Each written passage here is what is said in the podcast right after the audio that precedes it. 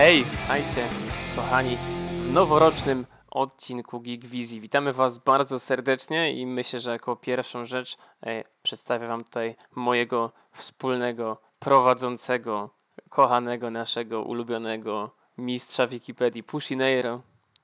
Siemka, tutaj Pushineiro. Ale skoro ja jestem wspólnym naszym prowadzącym, to znaczy, że jestem też swoim wspólnym prowadzącym? To jest jakieś zagmatwane uniwersum. No, nikt nie powiedział, że Geek Wizji jest takim prostym, łatwiutkim uniwersum, wiecie, jeszcze multiversa potem będą, spokojnie. A czy GeekWiki już powstało? To jest kluczowe pytanie. Czy ktoś Geek założył już GeekWiki? Proszę GeekWiki, czekamy na GeekWiki, bo na razie jeszcze nie widziałem, więc jak macie ochotę, załóżcie GeekWiki. No ale myślę, że na wstępie ważne byłoby, żeby zł- złożyć wam życzenia, także chcę wam życzyć wszystkiego dobrego geekowego w tym 2024 roku, jako żebyście mogli sobie oglądać coraz to więcej, grać coraz więcej i poznawać, czy to książek, czy muzyki. E, w takim razie ja chciałbym wam życzyć po prostu roku.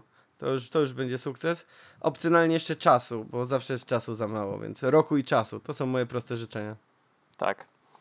No, także to jest nasze przywitanie noworoczne, a nowy rok, nowa ja. Pushin, co zrobiłeś w takim razie? Opowiedz nam. Czyli no w tym roku to jest niewiele, jakby wstałem z łóżka. To jest już coś, bo Ale nagrywam to- to, to- 1 stycznia, to jest bardzo istotna informacja, czyli no, my też już jesteśmy, jesteśmy w nowym roku, nie udajemy. Tak, akurat tak wyszło. Natomiast w okresie zaraz po świętach, a przed Sylwestrem i Nowym Rokiem udało się jeszcze dokonać, że tak powiem, konsumpcji kulturalnej e, i w związku z tym jest kilka rzeczy do omówienia. Głównie filmowo, tym razem, głównie filmowo, aczkolwiek też będzie wstęp do, e, do jednej gry, o której już tam kiedyś tutaj rozmawialiśmy. I co? Pierwsze myślę, że powiem o filmie, który już jakiś czas temu chciałem zobaczyć, tylko nigdzie nie szło go dostać. Aż wreszcie się udało, bo zobaczyłem, że jest dostępny na e, Prime.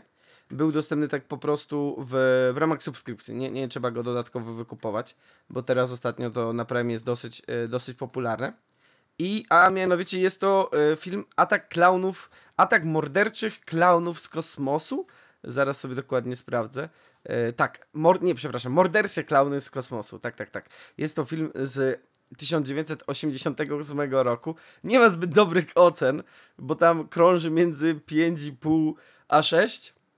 Mm, ale jakby podążając dalej za tym, że staram się uderzać w klimaty, w które zazwyczaj się nie uderzam, e, czyli w horror, tym razem po raz kolejny, można powiedzieć, ostatnio, e, ale horror połączony z komedią i było to bardzo ciekawe przeżycie. Jest to film o tym, że no taki typowy, sztampowy horror klasy, klasy tam B, albo nawet tak pod D już podchodzący, gdzie widzimy sobie tam jakieś typowe senne miasteczko w Stanach i nagle widzimy jak cyrk sobie leci. Niby spada gwiazda z kosmosu, no tam ktoś idzie sprawdzić, o gwiazda z kosmosu, zobaczmy, może to meteoryt, będą pieniążki czy coś takiego. I oni sobie tam idą, patrzą, a tam jest cyrk. I z tego cyrku wychodzą klauny. I te klauny strzelają do ludzi watą cukrową i później y, jak są już scukrowani ci ludzie, to wysysają im mózgi i, i tego typu rzeczy. I te klauny bardzo ciekawy design mają kostiumów. To chyba są po prostu aktorzy poprzebierani, tak to przy, obstawiam przynajmniej. Chociaż nie wiem, czy momentami nie byłyby to animatroniki, też bym się nie zdziwił, bo to te lata, co tam lub, lubili wykorzystywać animatroniki, więc nie zdziwiłbym się w tym. Szczerze mówiąc, nie wiem, czy poleciłbym ten film komukolwiek, ale ja oglądając to razy dwa, a że to jest film, który trwa godzinę i tam dwadzieścia parę minut, to bez problemu sobie go obejrzałem w miarę szybko. Jest faj, y, kilka fajnych właśnie takich scenek, powiedzmy tam, no, mordowania. Takich, nie, nie, nie, żeby gore czy coś, to nie jest slasher, to, to nie musicie się martwić. Szczerze mówiąc, że poziom horroru jest taki, że jak dla mnie y, to spokojnie by można było oglądać tam, no, niekoniecznie 18+, plus to by musiało być, szczerze mówiąc, bo ani na gość jakoś nie ma, co horrory klasy B lubiły, lubiły mieć na gość, ani też za bardzo nie ma jakoś turbo dużo krwi, czy czegoś takiego. No jest parę takich jakby mocniejszy morderstwo, chociaż z tym mocniejszym to bym nawet nie, nie przesadzał. Więc jak, jako taki wstęp, taka właśnie połączenie horroru z komedią, no niskich lotów, bo niskich lotów, ale ciekawe tematycznie, bo później jak w ogóle walczą z tymi klaunami, co te klauny jeszcze wymyślają. Bo ogólnie to jest tak naprawdę splot sceny, jak klauny chodzą po mieście i, i mordują ludzi, a w zasadzie ich watują. Po polsku to świetnie brzmi. Klauny są tak naprawdę, e, klauny są tak naprawdę polskim rządem. Watują wszystkich. Mm, no i oczywiście tam typowy horror, czyli tam e, ludzie sobie z tym walczą. No i to była pierwsza rzecz. Natomiast druga, e, druga rzecz, kinowo, a w zasadzie filmowo, no to mamy końcówkę roku, więc właśnie różne mm, filmy, które wychodziły przez cały rok się pojawiają na kolejnych streamingach. I jak y, w ostatnim odcinku opowiadałem o tym, że oglądałem nowego Indiana Jonesa, to tym razem udało mi się obejrzeć e, Mario Bros. The Movie, który, o ile dobrze pamiętam, pojawił się chyba na HBO Max. I tam to oglądałem. I w zasadzie było całkiem spoko. Oglądałem sobie, chwilę pooglądałem z dubbingiem, żeby zobaczyć jaki jest dubbing. Dubbing jest spoko, ale ogólnie oglądałem właśnie cały, cały z no, w oryginalnej ścieżce dźwiękowej, żeby tam sobie posłuchać Jacka Blacka i reszty aktorów, którzy, którzy brali mm, udział w tym. Nie pamiętam, y, y, Seth Roger chyba był jeszcze, musiałbym teraz wejść w całą kadrę. Na pewno była, mm, e, na pewno była ta e, e, Anna Taylor-Joy była i to, bo ona grała księżniczkę Peach, więc tutaj był, no, było dosyć takich popularnych, znanych, znanych nazwisk. No, ale zapomniałeś najważniejszym. No to, co? Najważniejszy zapomniałeś Chris Pratt jako Mario. No to dla mnie to nie był najważniejszy, dla mnie najważniejszy był Jack Black jako no, nie, no, śmieję, śmieję się. Ale Chris Pratt racja, tak, tak. No Chris Pratt był, e... wszyscy śmiali, że Chris Pratt będzie Mario. E... Strażnik Galaktyki przyjechał, żeby zostać Marianem, żeby zostać plumberem. No i co? Ogólnie spoko, jakby historia całkiem spójna, żeby dziecko wziąć i ten idzie raczej szybko to śledzić. Nie jest to zbyt rozbudowana historia. Fajnie jest pokazane jakby uniwersum Mario w taki w miarę sensowny sposób. Jest dużo easter eggów. Tak można sobie to obejrzeć tam razy dwa i nie boli, nie? Nie jest to w żaden sposób zaawansowane kino, ale jak na przedstawienie gry, a w zasadzie uniwersum gry i to jeszcze takiej, która za bardzo fabuły nie posiada, no to całkiem, e, całkiem ten, e, całkiem fajnie, fajnie to wyszło. Można sobie obejrzeć, no, żaden jakiś tam super ten, ale spoko ogólnie. Myślę, że jak dla mnie taki typowy, taka siódemeczka, nie? Co jak na e, przerzucenie gier na filmy, to, to jest i tak bardzo dobry wynik. Mm. Co my tutaj dalej mamy? Myślę, że jeszcze może, niby już były dwa filmy, więc myślę, że teraz y, ruszymy sobie z trzecią rzeczą, a trzecią rzeczą będzie Cyberpunk 2077. Tak jak mówiłem, że będę się zabierał za granie, to zabrałem się za granie. No, można powiedzieć, że już trochę godzin tam pękło, szczególnie przez święta i w okresie przedświątecznym i poświątecznym. No i powiem Wam, proszę Państwa, drodzy wizjonerzy, to jest bardzo dobra gra. Do 10 stycznia jest jeszcze na Epiku promocji, bierzcie i kupujcie z dodatkiem, gdyż jeżeli graliście przed, dodat y, przed patchem 2.0, to zagrajcie jeszcze raz teraz. Patch 2.0, bo ja sobie tam oglądałem porównania, co się zmieniło. Się mega wiele rzeczy zmieniło. Ja już tu dobijam do końca swojego czasu, więc nie będę wymieniał wszystkich rzeczy, ale sam e, rework mm, wszystkich, e, wszystkich umiejętności i atrybutów i atutów swojego systemu, jak to działa, to mega zmieniło tą grę. Oprócz tego bardzo dużo usprawnień. Nie ma się co dziwić, że teraz po dodatku ta gra mega wystrzeliła, znowu ludzie ją kupują, znowu ludzie ją świetnie oceniają, a w zasadzie wreszcie ją bardzo dobrze oceniają i to jest naprawdę gra która powinna, może, która powinna wyjść w momencie premiery, może nie, bo to już jest widać, że tam jest mega, mega dużo dodatkowych godzin dołożonych pracy, roboczych godzin, ale, ale no na pewno nie powinna wyjść tak, jak wyszła, nie? A teraz ja gram, od razu mówię, pierwszy raz, a w zasadzie gram pierwszy raz, testuję sobie różne buildy i w, w zasadzie każdy build, oczywiście fabuła sama jest super, no bo jakby CDEP tutaj dowozi, nie? To od początku było dobre, ale teraz jeszcze mechanicznie to jest świetnie. Tu sobie pojedziesz samochodem, tu chcesz sobie zrobić build na gościa, który lata na Sandewistanie z kataną. Jak ktoś nie kojarzy Cyberpunka, to Sandewistan to jest taki wszczep, który jakby zwalnia czas dla ciebie, a w zasadzie ciebie przyspiesza dla innych. No. Ale no ty to odczuwasz jako zwolnienie czasu, więc możesz sobie biegać i siekać z kataną, możesz sobie, nie wiem, być właśnie Netrunnerem, taki build też testowałem i wgrywasz ludziom haki, bierzesz na przykład razisz ich tam prądem, nie wiem, ich szczepy wyłączasz, żeby łatwiej ich pokonać, albo zmuszasz ich, żeby przeciwko sobie y, walczyli, bo to też jest taka opcja, jak masz bardziej zaawansowane haki. Więc ogólnie bardzo, bardzo dobrze się bawię i cieszę się, że wreszcie, wreszcie się wziąłem do tego. Yy, yy, zmusiłem się, żeby sobie to odpalić po tych trzech latach od premiery i warto jest, naprawdę. Jak więcej przejdę i jak ruszę, yy, jak, jak skończę dodatek, to na pewno, jeszcze, na pewno jeszcze do tego wrócimy. Jak na razie takie pierwsze wrażenia i one są mega pozytywne. Powiedzmy tak po jakichś 30 godzinach to są mega, mega pozytywne wrażenia. Dobrze. No i myślę, że na, na ten tydzień tutaj wystarczy. Tutaj jeszcze parę filmów było, ale to prawie będą na przyszły, bo coś czuję, że w przyszłym nie będę miał aż tyle rzeczy do, mm, do obejrzenia. No dobrze, Kubox, a powiedz mi, jak tam e, twój okres przed noworoczny minął? U mnie, e, ja dużo się ze znajomymi spotykałem e, i jak to, że na spotkania ze znajomymi po prostu wyciągaliśmy najróżniejsze planszówki, więc u mnie planszówkowo dosyć teraz będzie, e, bo udało mi się zagrać w dwie, które posiadam, które są ciężko dostępne. Jedna z nich to Tanto Cuore, które siedzi u, siedziało u mnie odkąd wróciłem z SN-a, z SN-u na, na półeczce i miałem takie, kurczę, muszę kiedyś to zagrać. I udało mi się, mam wszystkie pięć Tanto Cuore, jest jeszcze szóste, ale jeszcze jego nie dostałem w swoje ręce, bo no dopiero na Kickstarterze się ostatnio skończyło e, fundować. Tanto Cuore jest to e, deck building. Jest to deck building, e, w którym generalnie jesteście masterem w waszym, w waszej, jak to powiedzieć ładnie po polsku, mansion, no w jakiejś takiej willi. Posiadłości. Takim, posiadłość, tak. Tak, macie, bo Mansion swoją... of Madness to posiadłość szaleństwa po polsku, więc... Okej, okay, ma to sens, no, ale to jesteście w takim razie, e, jesteście masterem w waszej posiadłości, i Jesteś właścicielem, tak? Jeste, panem, jesteście, panem tak, na jesteście, włościach. Jesteście panem w włościach e, i jak to pan na włościach, musicie mieć jakieś e, służki. E, I właśnie na tym polega ta gra, żeby być e, najlepszym, jakby tam jest e, master of Meido, trzeba być. I generalnie zbieracie sobie różne Meido, które tam mają różne punktowe wartości i tak dalej. Taki typowy deck building, ale bardzo ciekawie zrobiony. Bardzo polecam, jest bardzo przyjemny. E, fajnie, bo naprawdę da się to łatwo zrozumieć, łatwo wytłumaczyć, więc jak ktoś na przykład nie grał nigdy w deck building, to jest też dobre do wejścia, a też jest bardzo ładnie zailustrowane, więc też e, polecam bardzo serdecznie. E, ciężko zdobyć, ale na pewno na tabletopie na przykład mogliście, jest na Steamie gra. To miałem powiedzieć, bo sprawdzałem to. Jest gra na Steamie, jeżeli byście chcieli, byli zainteresowani, chyba 35 zł w tym momencie kosztuje, to możecie sobie zagrać ze znajomymi bardzo polecam.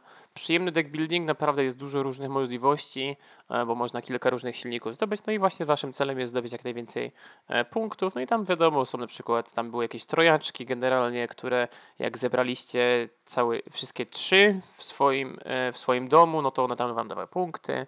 Była taka jedna, którą się zbierało kilkukrotnie, były takie, które dobierały karty. Bardzo ciekawa, ciekawy, ciekawy setup tego wszystkiego i też wszystko jest pod to zrobione, bo na przykład nie macie nie macie talii doboru, tylko macie waiting room, w którym czekają wasze maido, a jak je discardujecie, to nie jest to discard, tylko to jest kitchen entrance, więc jest bardzo, bardzo fajnie to po prostu e, zarysowane w całym, e, że jesteście naprawdę w, na posiadłości na waszych włościach, tak? E, to, to zagrałem, udało mi się, bardzo mi się spodobało, nie mogę się doczekać, aż spróbuję kolejnych czterech, bo jakby to są stand-alone gierki, czyli każda z nich, jak kupicie którąkolwiek, ona działa sama w sobie, ale można też łączyć zestawy między sobą, no bo tak to typowo w deck buildingach bywa.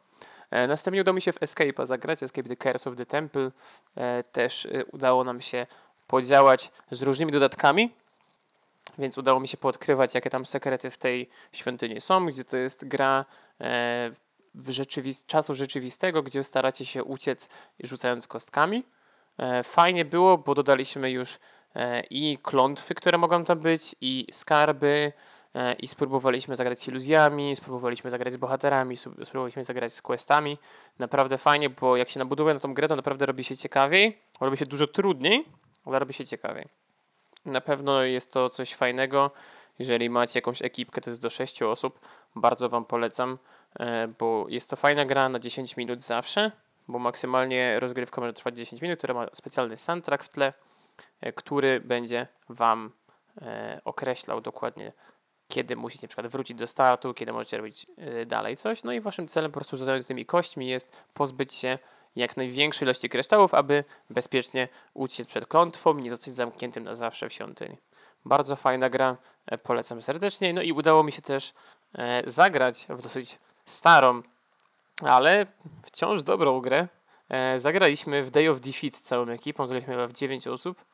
E, I Day of Defeat, e, jak możecie kojarzyć, bądź nie, ja na przykład nie, nie grałem, jest to bardzo stara gra, dosłownie moglibyście pierwszy raz na nią patrzeć, to ej, to jest przecież CS 1.6, dosłownie tylko druga wojna światowa. Dokładnie ta gra wyszła w 2003 roku. Day of Defeat to jest właśnie typowy shooter, e, gdzie, e, gdzie macie dwie drużyny przeciwko sobie postawione i każdy ma jakieś cele do zrobienia. Bardzo fajna gra. E, Nawet się dobrze zestarzała, ma bardzo ciekawe mechaniki, ciekawe mapy i jestem w sumie w szoku, że nie było tak popularne jak Counter-Strike w pewnym momencie.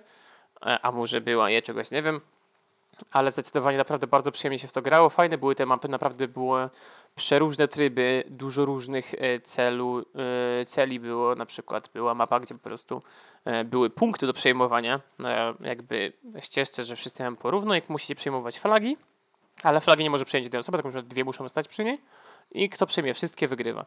Ale były na przykład też takie, że raz się ktoś bronił a jakichś czołgów, a ktoś musiał wysadzić te czołgi.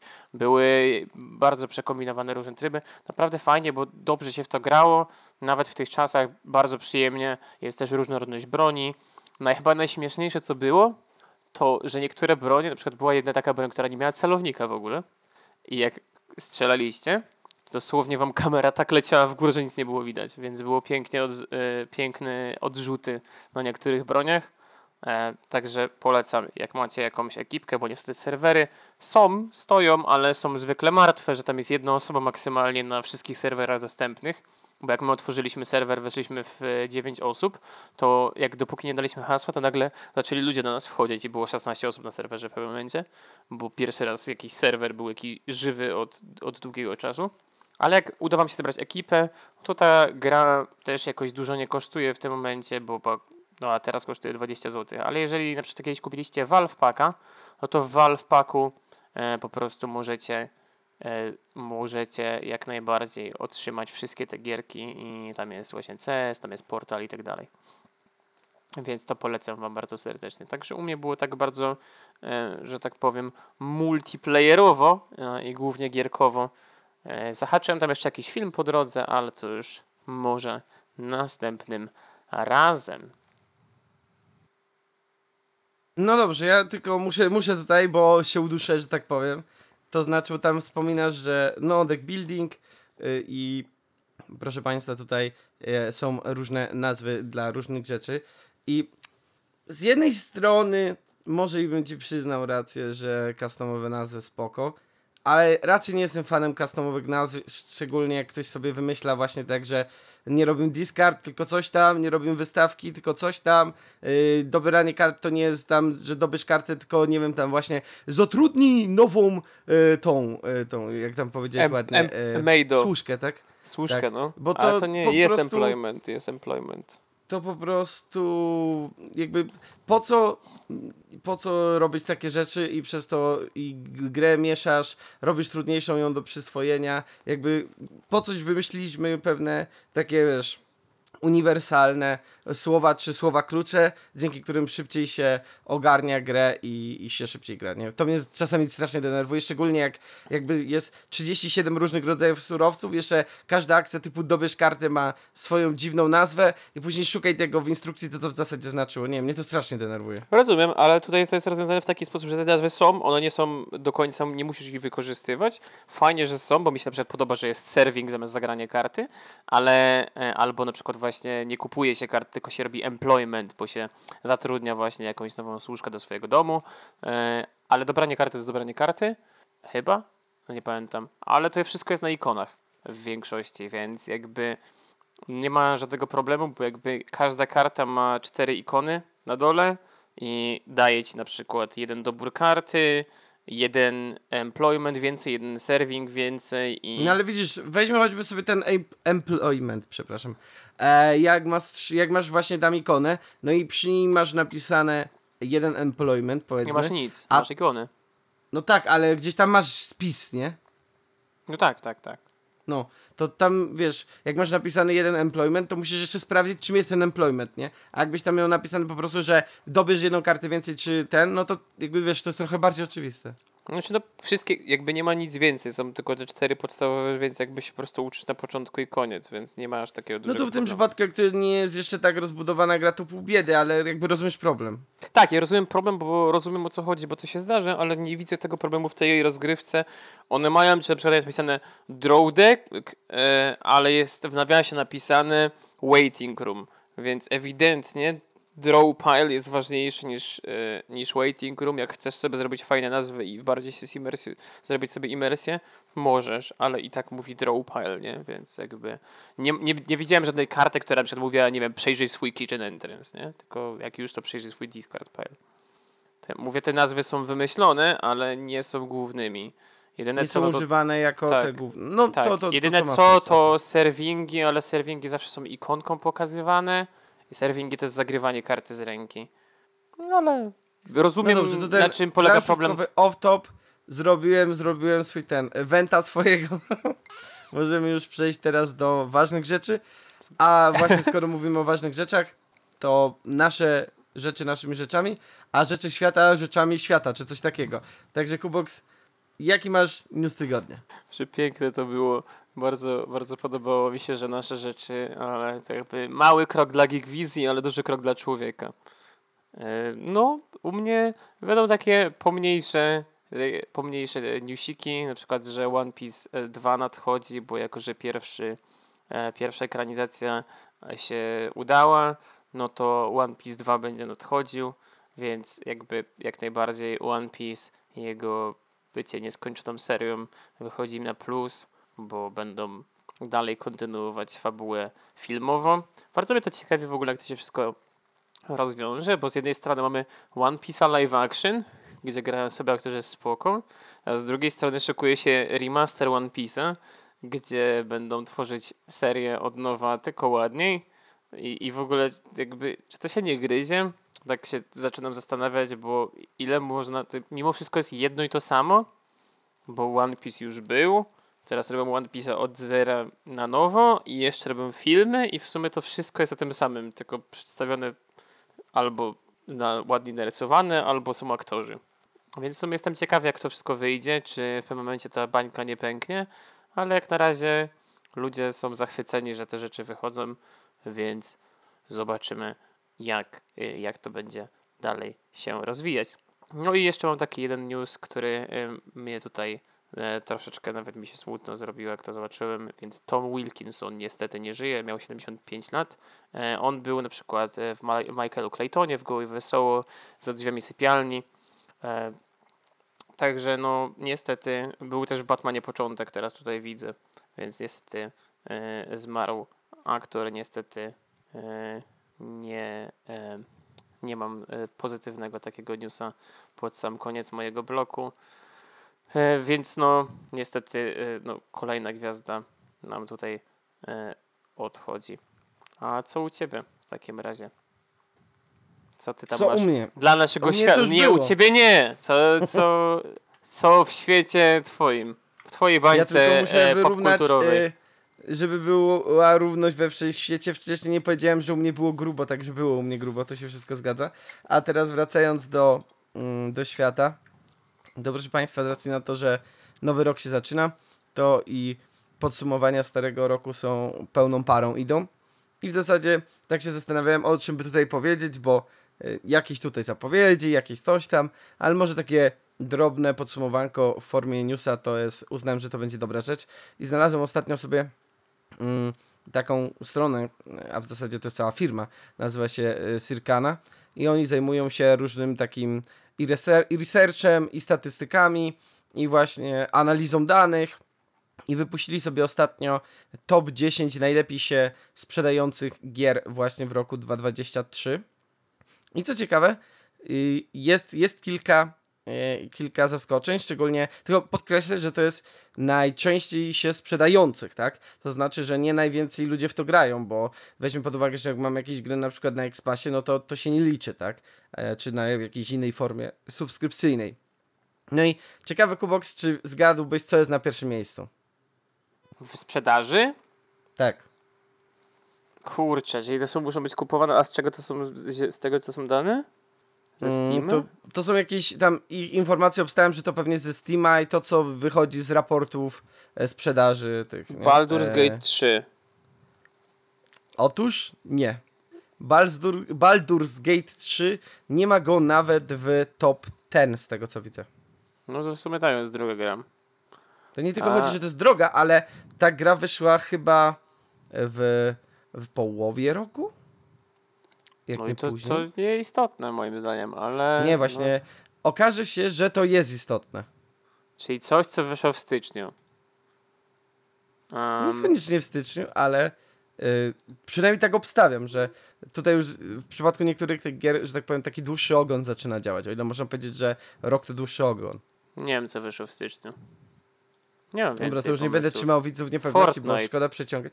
Co? Fortnite ma najwięcej Fortnite się sprzedaży. nie sprzedaje. No, a ile V-Bucksów zostało? Ja chcę, dobra, to ja robię nowego newsa, możesz kontynuować. Mm, Nie znajdziesz tego raczej, bo szukałem tego do, do tego, do inżynierki kiedyś, ile oni tam zarabiają na tym i to nie jest tak jakby publikowane dokładnie. Okej. E, ale no może, może możesz znaleźć, no. E, Może coś znajdziesz więcej. Albo teraz były jakieś nowe tam informacje. W każdym razie, wracając do mojego newsa, na pierwszym miejscu jest gra, proszę Państwa, Hogwarts Legacy. A, no to mogę się domyślić w sumie. No, Kocham. powiem W Ci, sumie że szczerze logiczne, mówiąc ko- nie spodziewałem, Ja się spodziewałem, tak bo się- kontrowersja. n- że aż kontrowersja jest tak, aż tak sprzedaje. Czyli ja myślę, że Tak. tu wszystko się nałożyło. I to, że ta gra no jednak już trochę jest, bo ona chyba w marcu wychodziła jakoś, o ile się nie mylę. Po drugie, p- podobno się udała, tak? Je je jeszcze nie miałem okazji zagrać, więc się nie wypowiem, ale że ludzie, którzy sobie chodzili po Hogwarcie, to bardzo e, ch- chwalili, że bardzo dobry level design i że jakościowo jest też to, no, dociągnięte, że najlepsza gra z uniwersum, nie licząc pewnie Lego Harry'ego Pottera. Jest No i do tego jeszcze te kontrowersje, te streamy i wszystko to się napompowało pewnie, nie?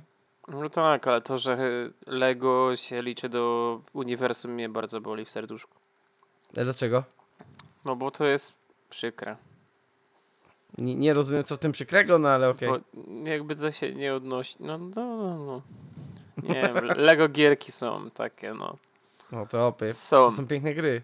Ty po prostu nie jesteś dobrym graczem, jak ci się gry Lego nie No, podobają. okej. Nie lubię Dobrze. tego samego, co w filmach.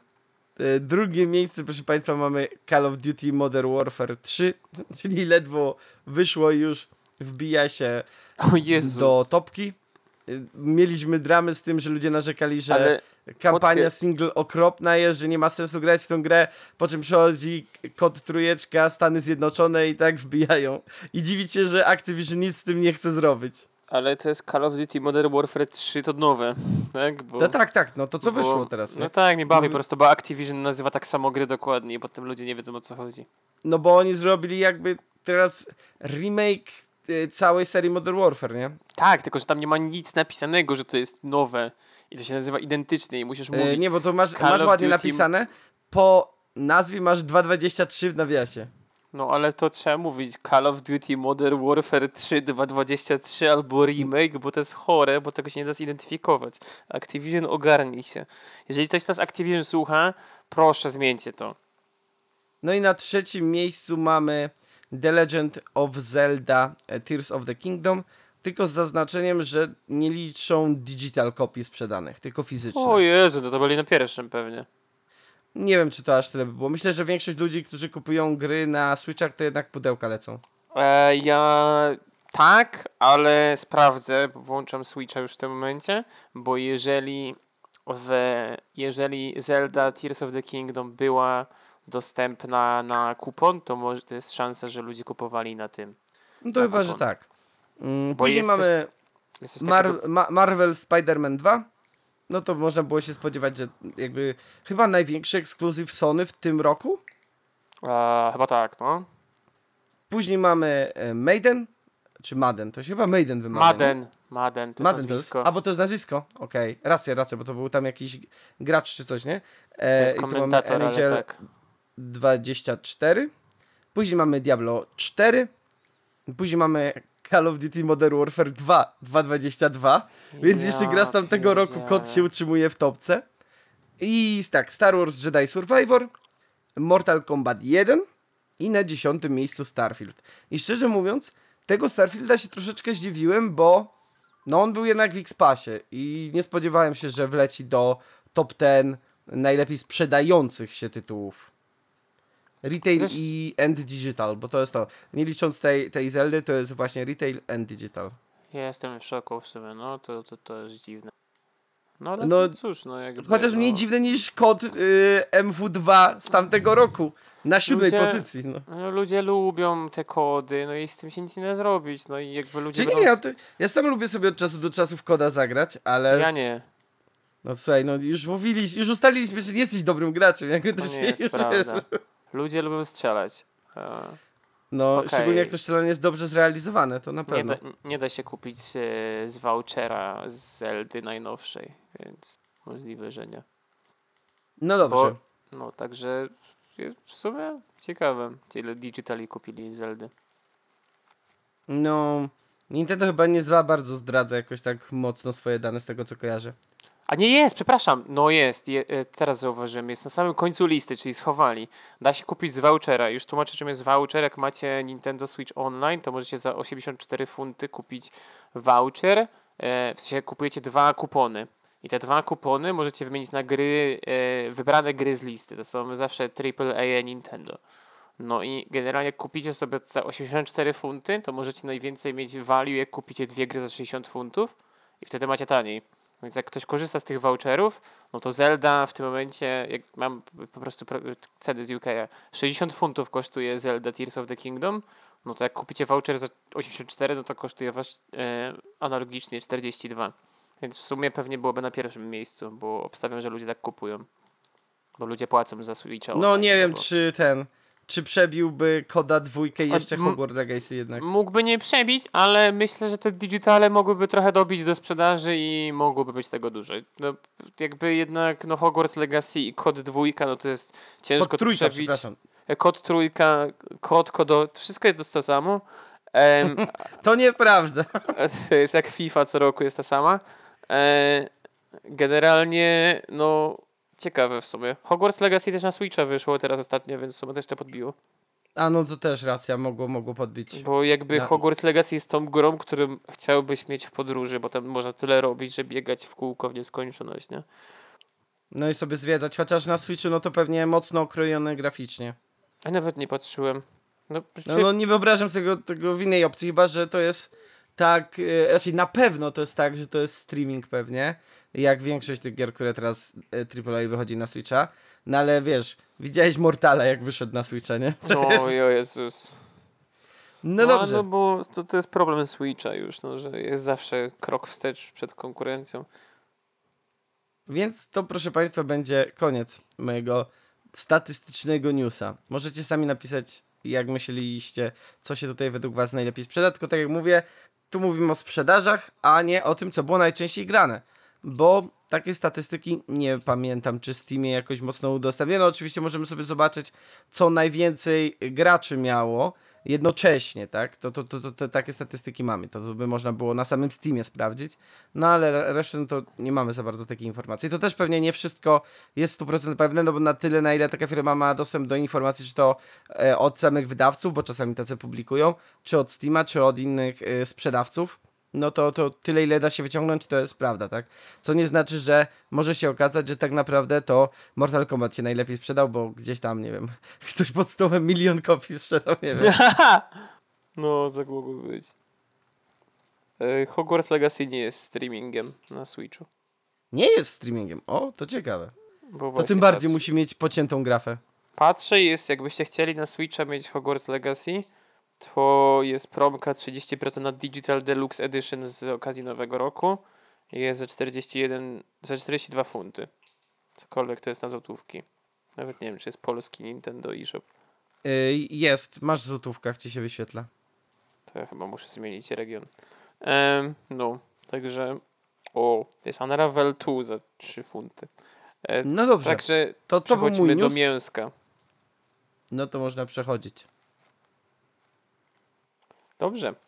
Więc przejdźmy zatem do mięska.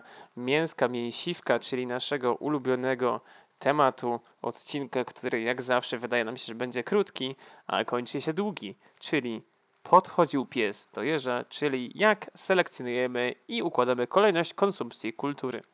Jest to przepiękny tytuł napisany przez Pusinero.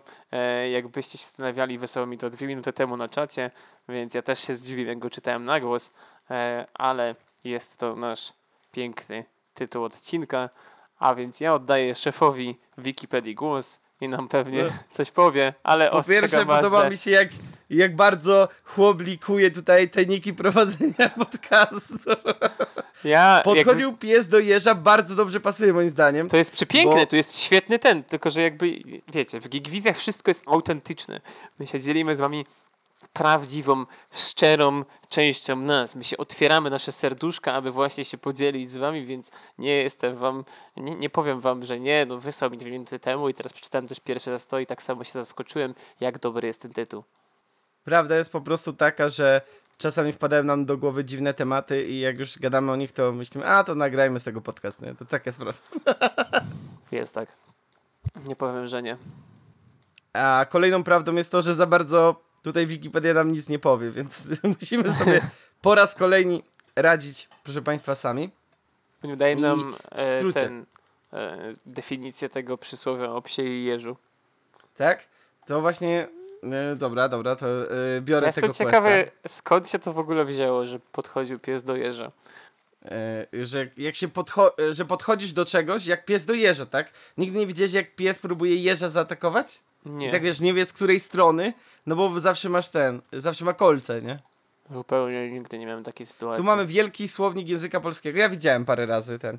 I mamy, ktoś zabiera się do czegoś jak pies do jeża, czyli ktoś przystępuje do czegoś bardzo ostrożnie, gdyż obawia się trudności i niepowodzeń. I moim zdaniem tutaj idealnie pasuje do tego tematu, a w zasadzie do tego, co chcemy tutaj e, poruszyć. Okej, okej, okej, dobrze, no niech będzie. Tak, bo to dosłownie po polsku to jest, e, raczej po polsku, e, w dosłownym zapisaniu jak najczęściej się uje, e, używa, to jest zabierać się jak pies do jeża, tak? No bo pies się zabiera za jeża, bo w celach, że tak powiem, konsumpcyjnych.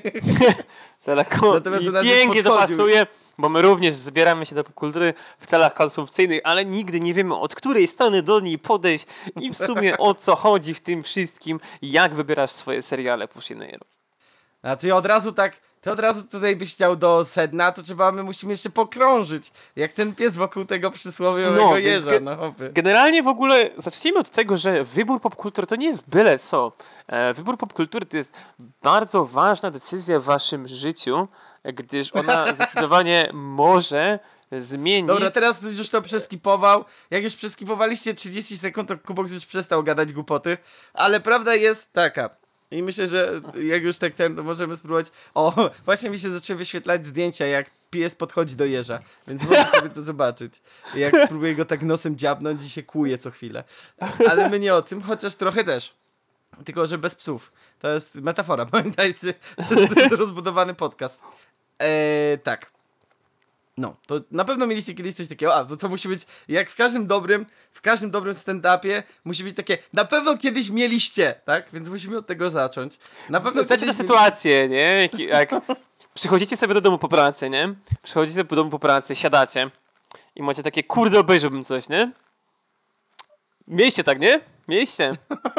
To mi chodzi nawet o coś gorszego, że jak ja sobie oglądam jakiś serial, nie? Powiedzmy ma kilka sezonów. Najlepiej jakby to był taki długi serial, nie wiem, jakiś, jak The Lost e, oglądałem, nie? Tam 9 sezonów po 20 odcinków.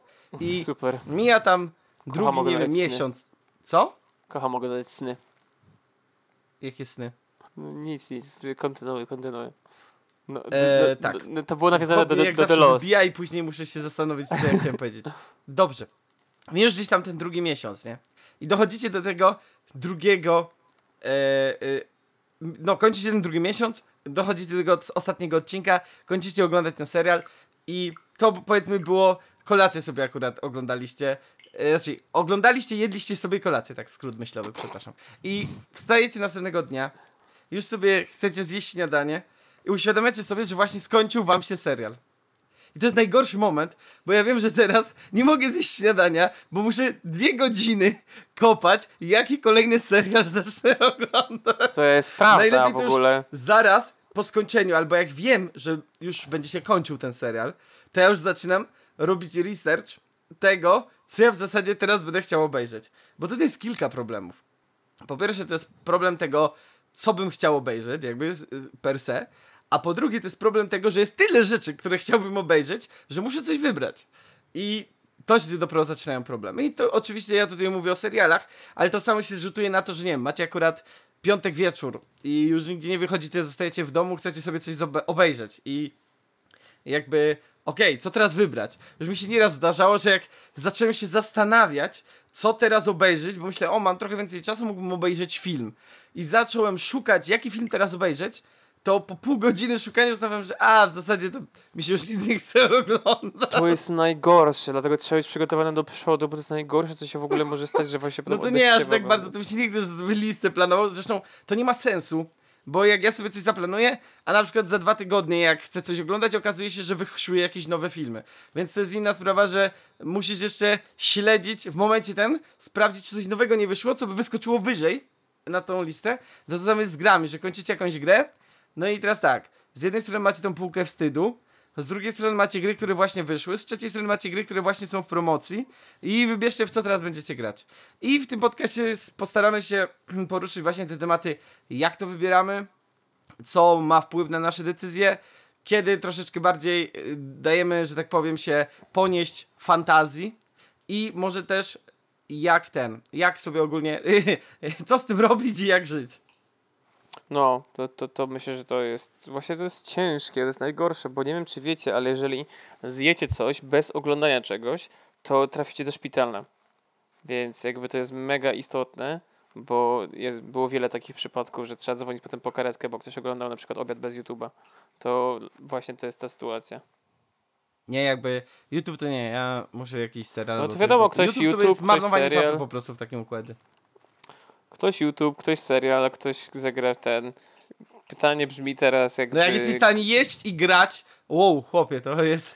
No dobra, no ale wiesz, teraz jakby powiedziałeś, że tutaj niby e, ten, marnowanie czasu, a teraz pytanie, co dla kogo jest marnowanie czasu, ktoś ci powie, że zamiast e, oglądać serial, to mogłeś e, jakiś, nie wiem, puścić sobie audiobook naukowy, nie? Więc teraz... W trakcie jakby jedzenia? To bym się nie, Nie- skupił na tym. tak nie dobrze. mów, co jest tam, wiesz, jakby dla kogoś YouTube Nie, też jest jakby jak wartościowy. audiobook jakiś poważny, to jak najbardziej.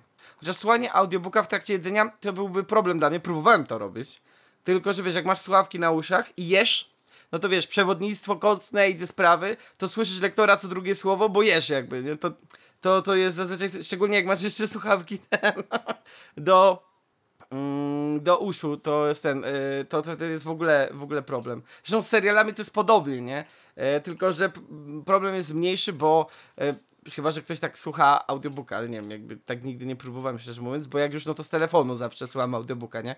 A jak oglądam e, serial jakiś do nie?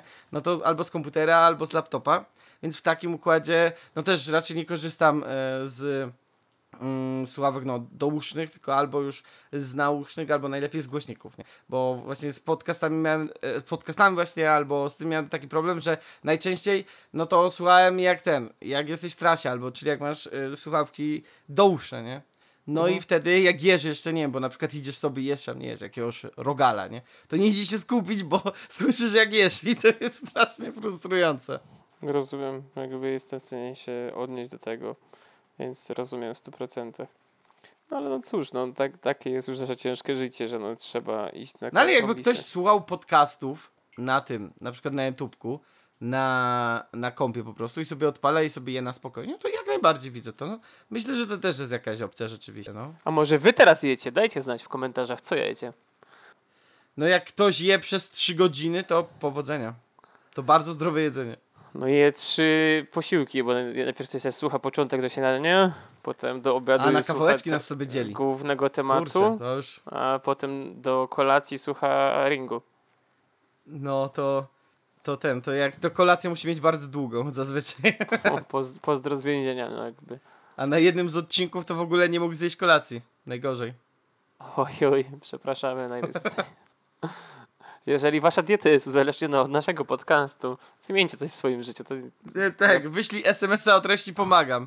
postanowienie noworoczne, nie będę jeździć do Gigwizji. No to ja już je spełniłem, co dalej? Je, co dalej. Dobrze, ale już wracając do naszego tematu, no właśnie dlatego wybieranie tej popkultury jest dosyć istotne, no bo często gdzieś mamy jakieś chęci właśnie, czy skończy nam się coś i nagle potrzeba nam czegoś więcej i co wtedy zrobić właśnie, jak się w tym odnaleźć, bo często mamy tak, jak Pushit właśnie powiedział, że mamy 20 rzeczy na plan to watch i nie wiemy co obejrzeć, a czasem się stanie tak, że w ogóle nie mamy nic na plan to watch. E, albo nie wiem, no ktoś chce w coś zagrać, bo mu się skończyła gierka i mu takie wraca z pracy, chciałby sobie w coś zagrać i nagle nie ma w co zagrać i potem wybierz jedną z waszych 500 gier niezagranych na Steamie. No ciężka sprawa, nie? Hmm, Wiesz, ja ze swoją, ze swoją, y, tam powiedzmy jakąś watchlistą czy kubką wstydu gierkowego, to jestem jak ta stereotypowa kobieta, która mówi, że nie ma się w co ubrać i otwiera taką szafę, gdzie jest tysiąc różnych ubrań i butów, nie? To ja się czasami tak czuję. Jest tak w sumie, no to ja mam tego tak samo, w sensie moje plan to watch na anime się tylko zwiększa. Jeszcze nigdy nie było sytuacji, żeby się zmniejszyło. Ja dodaję, a nie wyciągam nic stamtąd.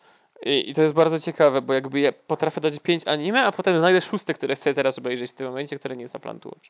Ja myślę, że ja już się pogodziłem z tym, że moja kubka wstydu się nigdy nie zmniejszy, nie? Ona się tylko będzie zwiększać. Nawet No jak tak. efektywnie przechodzę jakieś gry, nie? Bo przecież wam o tym opowiadam, więc przechodzę te gry i je usuwam, to za ten czas, jak je przejdę, to już kilka tam, wiesz, już jest, zostanie Tak, łokciem coś- dopchnięte, nie? Coś się nowego dopcha i potem koniec i nagle brakuje miejsca, nie? A no właśnie, Znaczy, no potem to nagle jest to, co powiedziałeś, że... nie braknie, nie? Ale czasu jak najbardziej. Kurczę, czyli życzymy wam czasu. No, a myślę, że skąd wynikają moje życzenia? Ja wiem, czego nasi kochani wizjonerzy potrzebują po prostu. Może tak być, no. Nie No, powiem, tak że nie. jest. No to w takim razie, jak już masz taką, ten, masz już taką długą listę, no to co robisz w takim razie? E, to jest bardzo dobre pytanie. Sensowne i z jego powodu się tu w ogóle zebraliśmy. To może zacznijmy od e, seriali. Bo w zasadzie w przypadku gier i seriali i filmów i książek i gier planszowych to w zasadzie za każdym razem rytuał jest troszeczkę inny, choć w pewnych kluczowych aspektach pewnie podobny. Na przykład w przypadku gier zawsze, ale to zawsze, pierwszym moim krokiem jest skierowanie się, oczywiście jak już mam odpaloną mm, listę gier, które posiadam, versus, które są, leżą do przejścia, versus listy gier, które mógłbym kupić, jeżeli byłyby w odpowiedniej cenie, które też bym chciał zagrać. Czyli mamy e, jedną wishlistę, tak? A drugą właśnie kubkę wstydu, czyli gry, które jeszcze nie zagrałem, ale mam. Jak już mamy to przygotowane, tak? To są nasze, e, nasze ten, zasoby. To przygotowujemy narzędzia pracy.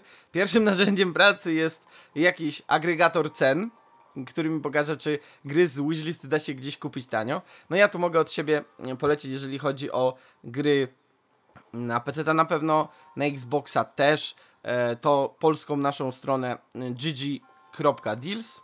To nie jest lokowanie produktu, ale To sam z tego korzystam i Kuba Ale- też. Tak, ja korzystam odkąd mi później pokazał, nie będę kłamał, że tak nie jest. E, jak cokolwiek potrzebuję, to wchodzę tam. Więc jakby GG Deals, no, robi robotę. I oprócz tego, jeżeli chodzi o rzeczy Nintendo, szczególnie jeśli chodzi o eShop, no to Deku Deals, tak to się chyba nazywa, o ile się nie mylę. Jest coś takiego? No pewnie, możesz sobie spisać Deku Deals. Okej, Wysyłałem ci to chyba kiedyś. nie przypominam sobie czegoś takiego.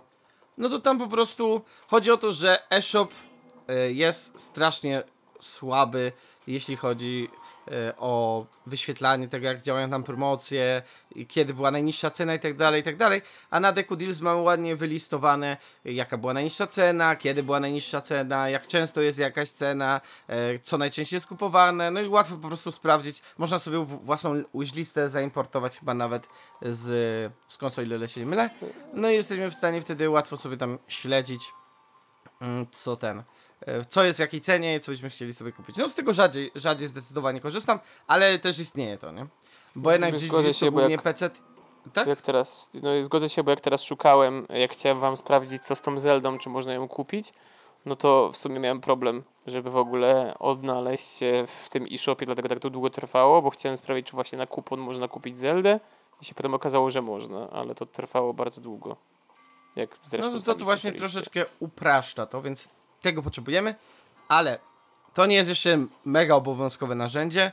Najważniejszym narzędziem, jak dla mnie, zazwyczaj jest e, e, How Long to Beat.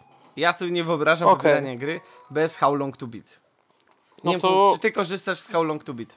E, Zdarza mi się korzystać z How Long to Beat, ale e, ja jestem ja ja jestem jakimś dzieckiem z ten, z, z jak jest undiagnosed po polsku? Z, nie, z niezdiagnozowanym ADHD. Bardzo E, ładnie, bardzo ładnie to przetłumaczyłeś. E, uwielbiam, że musiałem się zapytać, żeby mój mózg zaczął pracować w innym języku, żeby to odtłumaczyć.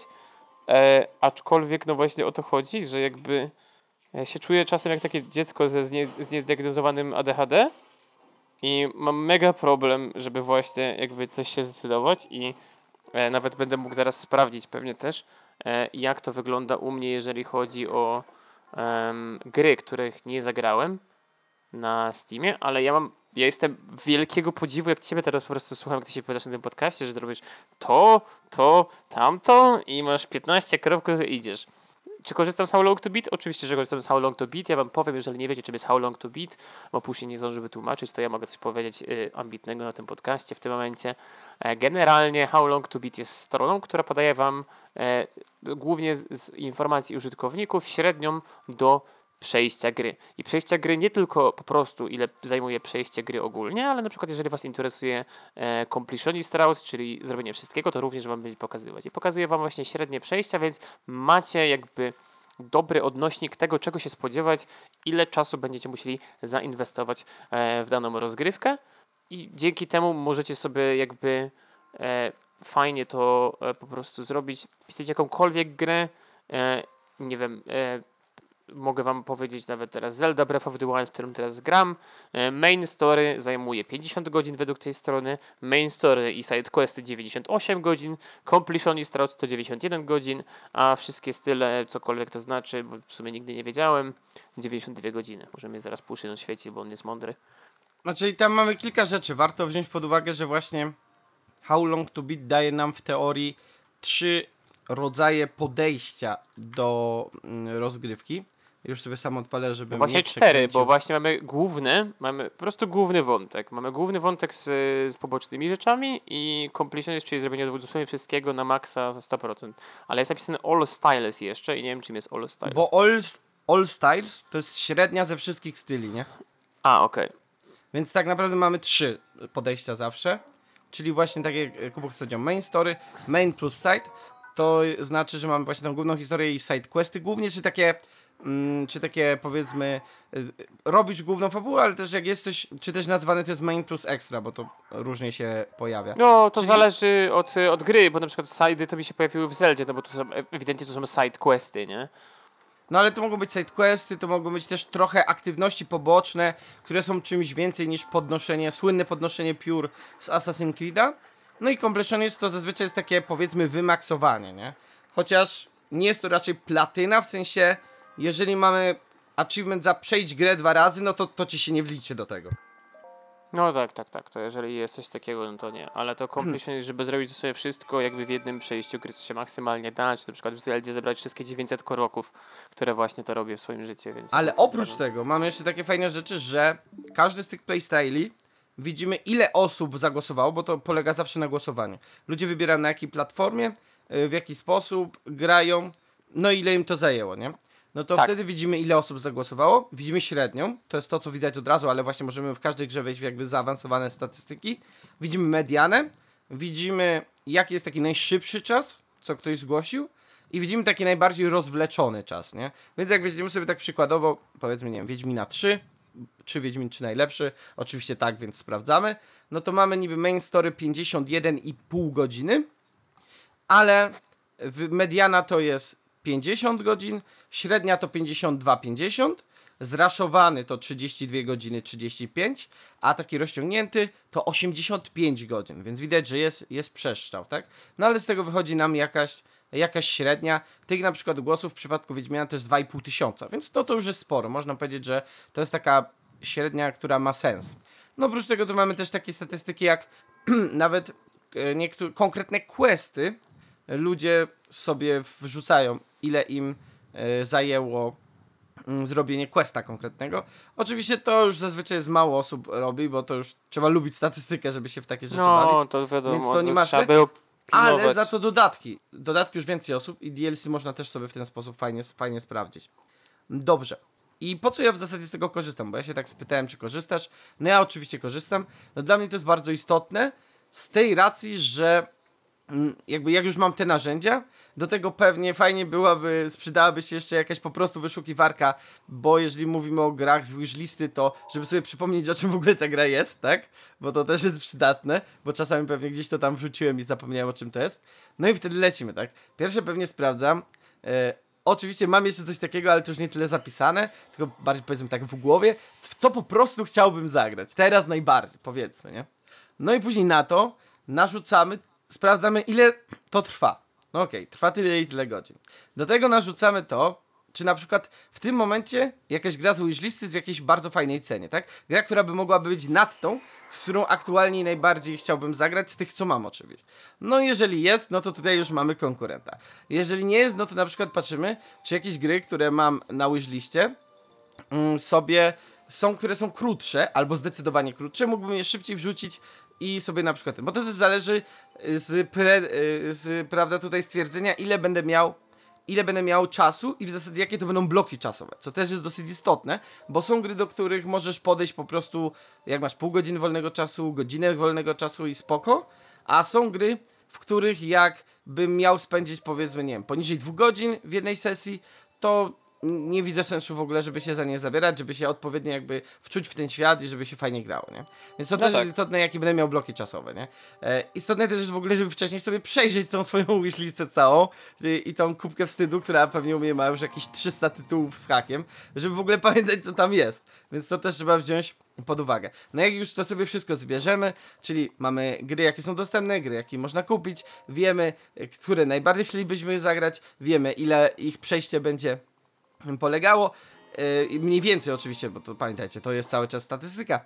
No i też do tego wiemy, mm, jakie, jakie tutaj mamy możliwości czasowe w najbliższym czasie.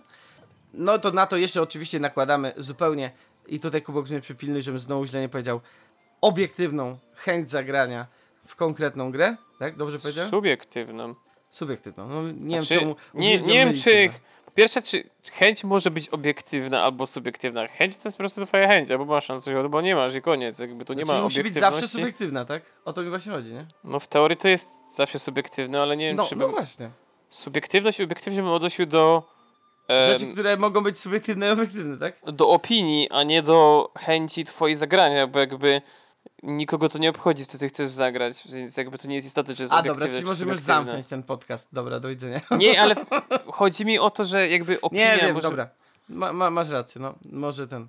Chciałem być zbyt dokładny. E, niech, ci, niech ci będzie. No jakby chęć twojej zag- zagrania musi też być jakby w to uwzględniona.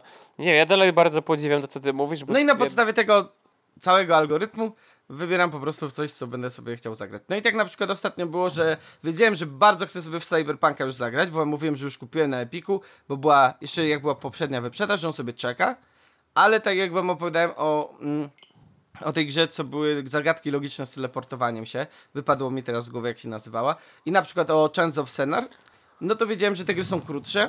To ja je wolę wrzucić przed Cyberpunka, bo Cyberpunk według statystyk zajmie mi 100 godzin. To ja wolę sobie wrzucić teraz te krótsze gierki, bo to było jeszcze w grudniu, gdzie wiedziałem, że może nie będę miał tyle czasu, a wiedziałem, że na grudzień, jak będzie trochę więcej wolnego, będę miał większe bloki czasowe wolnego, no tak, to by nie miało sensu, większe bloki czasowe, kropka, no to wtedy fajnie sobie wiedzie Cyberpunk, gdzie będę mógł się zagłębić w ten świat i się wczuć w bycie cyberpsycholem.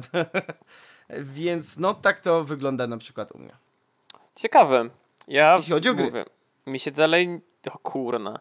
Ja dalej jestem pełen podziwu. Jeżeli chodzi o mnie o gry, nie mam żadnego algorytmu, ale potrafię skorzystać z How Long To Beat, lubię sobie sprawdzić, ale to jest dla mnie takie bardziej z ciekawości niż z decyzji. ale potem żałuję, bo widzę, że potrzebuję czegoś takiego algorytmu, bo zdarza mi się wybrać grę, która po prostu jest za długa i na przykład jak nie mam tyle czasu i teraz wziąłem tą Zeldę i ta Zelda po prostu mi zżera tyle czasu, a ja tak dużo go nie mam i mam poczucie, że ona tak wolno strasznie idzie i nie robię progresu. Mam na przykład godzinny blok, a Zelda mi zająć około 100 znowu, więc jakby no jest, jest to ciekawe. E, korzystam z How Long To Beat, e, lubię sobie tam zajrzeć, jestem ciekawy co się tam dzieje, a jak wybieram gierki, czysto subiektywnie od tego, na co mam teraz ochotę, więc e, nie potrafię sobie zrobić czegoś takiego. Nieraz się zdarzyło tak, że mam całą kubkę wstydu, a ja i tak kupię jakąś inną gierkę, żeby zaraz z tym zagrać, bo akurat mi się zachciało i była na promce, więc ją kupuję w tym momencie i sobie gram, mimo że jakieś 20 innych gier czeka w kolejce. To to jest chyba najgorsze, co robię jako, jako e, procrastination. To tutaj poruszyłeś jeszcze ciekawy wątek bardzo, który myślę, że też chciałbym uderzyć, że ten algorytm też wynika z tego, że ja bardzo nie lubię nie kończyć gier. A z drugiej strony bardzo nie lubię nie robić w miarę wszystkiego, co się da w grze. W sensie w ramach y, logicznego sensu bycia człowiekiem i rikczu, że tak powiem. To znaczy, że nie robię wszystkich, wszy wszystkiego, wszystkiego, tak? Że ja nie zbiorę pióra w asasynie każdego, tak? I nie zrobię tam każdej najmniejszej aktywności w cyberpunku, typu zabij jednego gościa, nawet, y, bo y, żebyście roz, zrozumieli, są aktywności oczywiście fabularne jak najbardziej w cyberpunku, ale mamy aktywności typu dwóch gości z gangu atakuje kobietę, zdejmij ich. I takich razy, pomnóżcie sobie to razy 600 w różnych kombinacjach, nie? Że na przykład dwóch gości ukradło coś, zabij ich. E, dwóch gości, albo tam siedmiu gości napada właśnie na bank, zabij ich. Albo pozbądź się, albo zdobądź rzecz, którą ukradli, nie? Takie, że nie ma zupełnie, zupełnie fabuły, tylko po prostu to jest, żeby urozmaicić świat, nie? No to jak przechodzę obok tego, to sobie to zrobię, ale mnie nie ciągnie, że ja muszę to zrobić. Ale jak ja widzę, że gdzieś jest side quest, taki z prawdziwego zdarzenia, to ja muszę go zrobić. Przepraszam. Mm, tak samo właśnie jeśli chodzi o takie, czy takie większe rzeczy. To dlatego ja zazwyczaj patrzę na main plus extra i to zazwyczaj oznacza mój mój playstyle, jaki sobie podejmuję. Czasami wychodzę poza main plus extra. Na przykład myślę, że no w Cyberpunku to może się tak stać, że wyjdę poza main plus extra i to mocno bo akurat to sobie dosyć e, podchodzi mi i tutaj, tutaj może eksploracja pójść mocniej. Ale z drugiej strony mnie potrafią odepchać gry, które są za duże. No chyba już o tym mówiliśmy tutaj, że Assassin's Creed Odyssey, jak zobaczyłem mapę, pograłem dwie godziny i tam zobaczyłem, że dostałem 1% ukończenia świata, to uznałem, że nie, to jest, to jest za dużo dla mnie i nie dam rady. Po prostu nie czułbym się dobrze z sobą, żebym tego nie zrobił tak, jakbym ja chciał, a z drugiej strony wiedziałem, że to zajmie za dużo czasu. A że tej gry nie kupiłem, tylko po prostu to wtedy był Ubi Play Plus, jakoś a, tak się było, nazywa ten było, no i to było za darmo, to po prostu sobie odpaliłem, no i myślę, nie, dobra, no dobrze, że tego nie kupiłem, nie? A czyli na Steamie to akurat też bym mógł oddać, bo to było poniżej dwóch godzin, więc to żaden problem. Albo koło dwóch godzin, no to już mógłby być problem. A to jest, to jest ciekawe to, co poruszyłeś teraz, bo ja też jestem osobą, która nie lubi nie kończyć gier. I również jestem osobą, która niestety ciężko popada ofiarą tego, że nie, że nie kończy gier. E, jak pamiętacie, parę podcastów wstecz opowiadałem o Batmanie Arkham Knightie. Batman Arkham Knight popadł w zapomnienie i porzucenie i, i, i się zagubił gdzieś ten, ale właśnie to jest związane chyba stricte z tym, że ja strasznie, znowu wracamy do mojego niezdiagnozowanego ADHD chyba, bo ja strasznie jest, się rozpraszam w tych grach takich większych, typu właśnie taki Batman, czy coś takiego, czy teraz ta Zelda. Jakbyście zaczęli, jak ja gram w Zeldę, to jest, ja nie potrafię sobie zrobić jednego taska, bo się pojawia coś nowego i on takie, o, idę to zrobić i po drodze do tego robię coś nowego. A grałeś i... Skyrima? Powiedz mi, grałeś tak, Skyrima? grałem Skyrima, nigdy nie skończyłem głównej fabuły. Jakby Słuchaj, ja dalej... O co chodzi ja w głównej tak fabule? Skyrim, że wyznaczyłem sobie, że pójdę z tego miasta do tego miasta. I po drodze tyle rzeczy było, że po wywaleniu ponad 100 godzin w Skyrimie, nie wiem czy zobaczyłem pół mapy, i no już miałem dość po prostu tej gry, bo już miałem po prostu dość gry, nie? A, no. Ale nie zobaczyłem chyba z połowy mapy nawet. Ale to jest masakra, bo to po prostu się nie dało. I ja teraz właśnie odpaliłem tego Ar Batmana Arkham Knighta i tam jest milion mikrotasków. I ja po prostu kocham te mikrotaski, ale z drugiej strony mi się ich nie chce robić, ale z drugiej strony takie, że chcę je zrobić i po prostu dwie, dwóch kuboksów walczy w środku i jeden mówi, nie no idź do tego Two-Face'a i powstrzymaj ten napad na bank, a drugi kuboks nie mówi, nie no zróbmy główny wątek. I oni tak walczą i potem właśnie chyba, chyba mi ten Arkham Knight mnie przerósł i się zagubiłem, bo robię po prostu za dużo mikrotasków, czyli na przykład jest takie o pogoń sobie po mieście autko, albo o tutaj jest jakaś stacja złych ziomków, weź ich tam pozbieraj. E, już nawet nie wspomnę o trofeach Enigmy, którego No to kocham, jest to- moim villanem. To co ci I powiedziałem, się zgubiłem. jak I ja grałem w tą Nie grę, skończyłem. Właśnie nie skończyłem. Nie skończyłem Arkham Knighta fabuły, jestem pod sam koniec i ostatnio próbowałem go włączyć i już grałem w Zeldę wtedy, bo już odpuściłem i zacząłem grać w inne rzeczy. Zagra zagrałem w Firewatcha, po drodze coś tam, coś tam.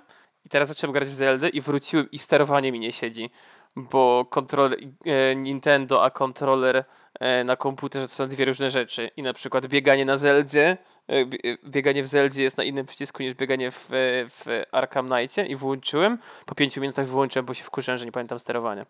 Ale A to jest jestem właśnie... w finalnej części gry na hardzie i nie mogę przejść dalej, bo mylę przyciski jak głupi i się sfrustrowałem i wyszedłem.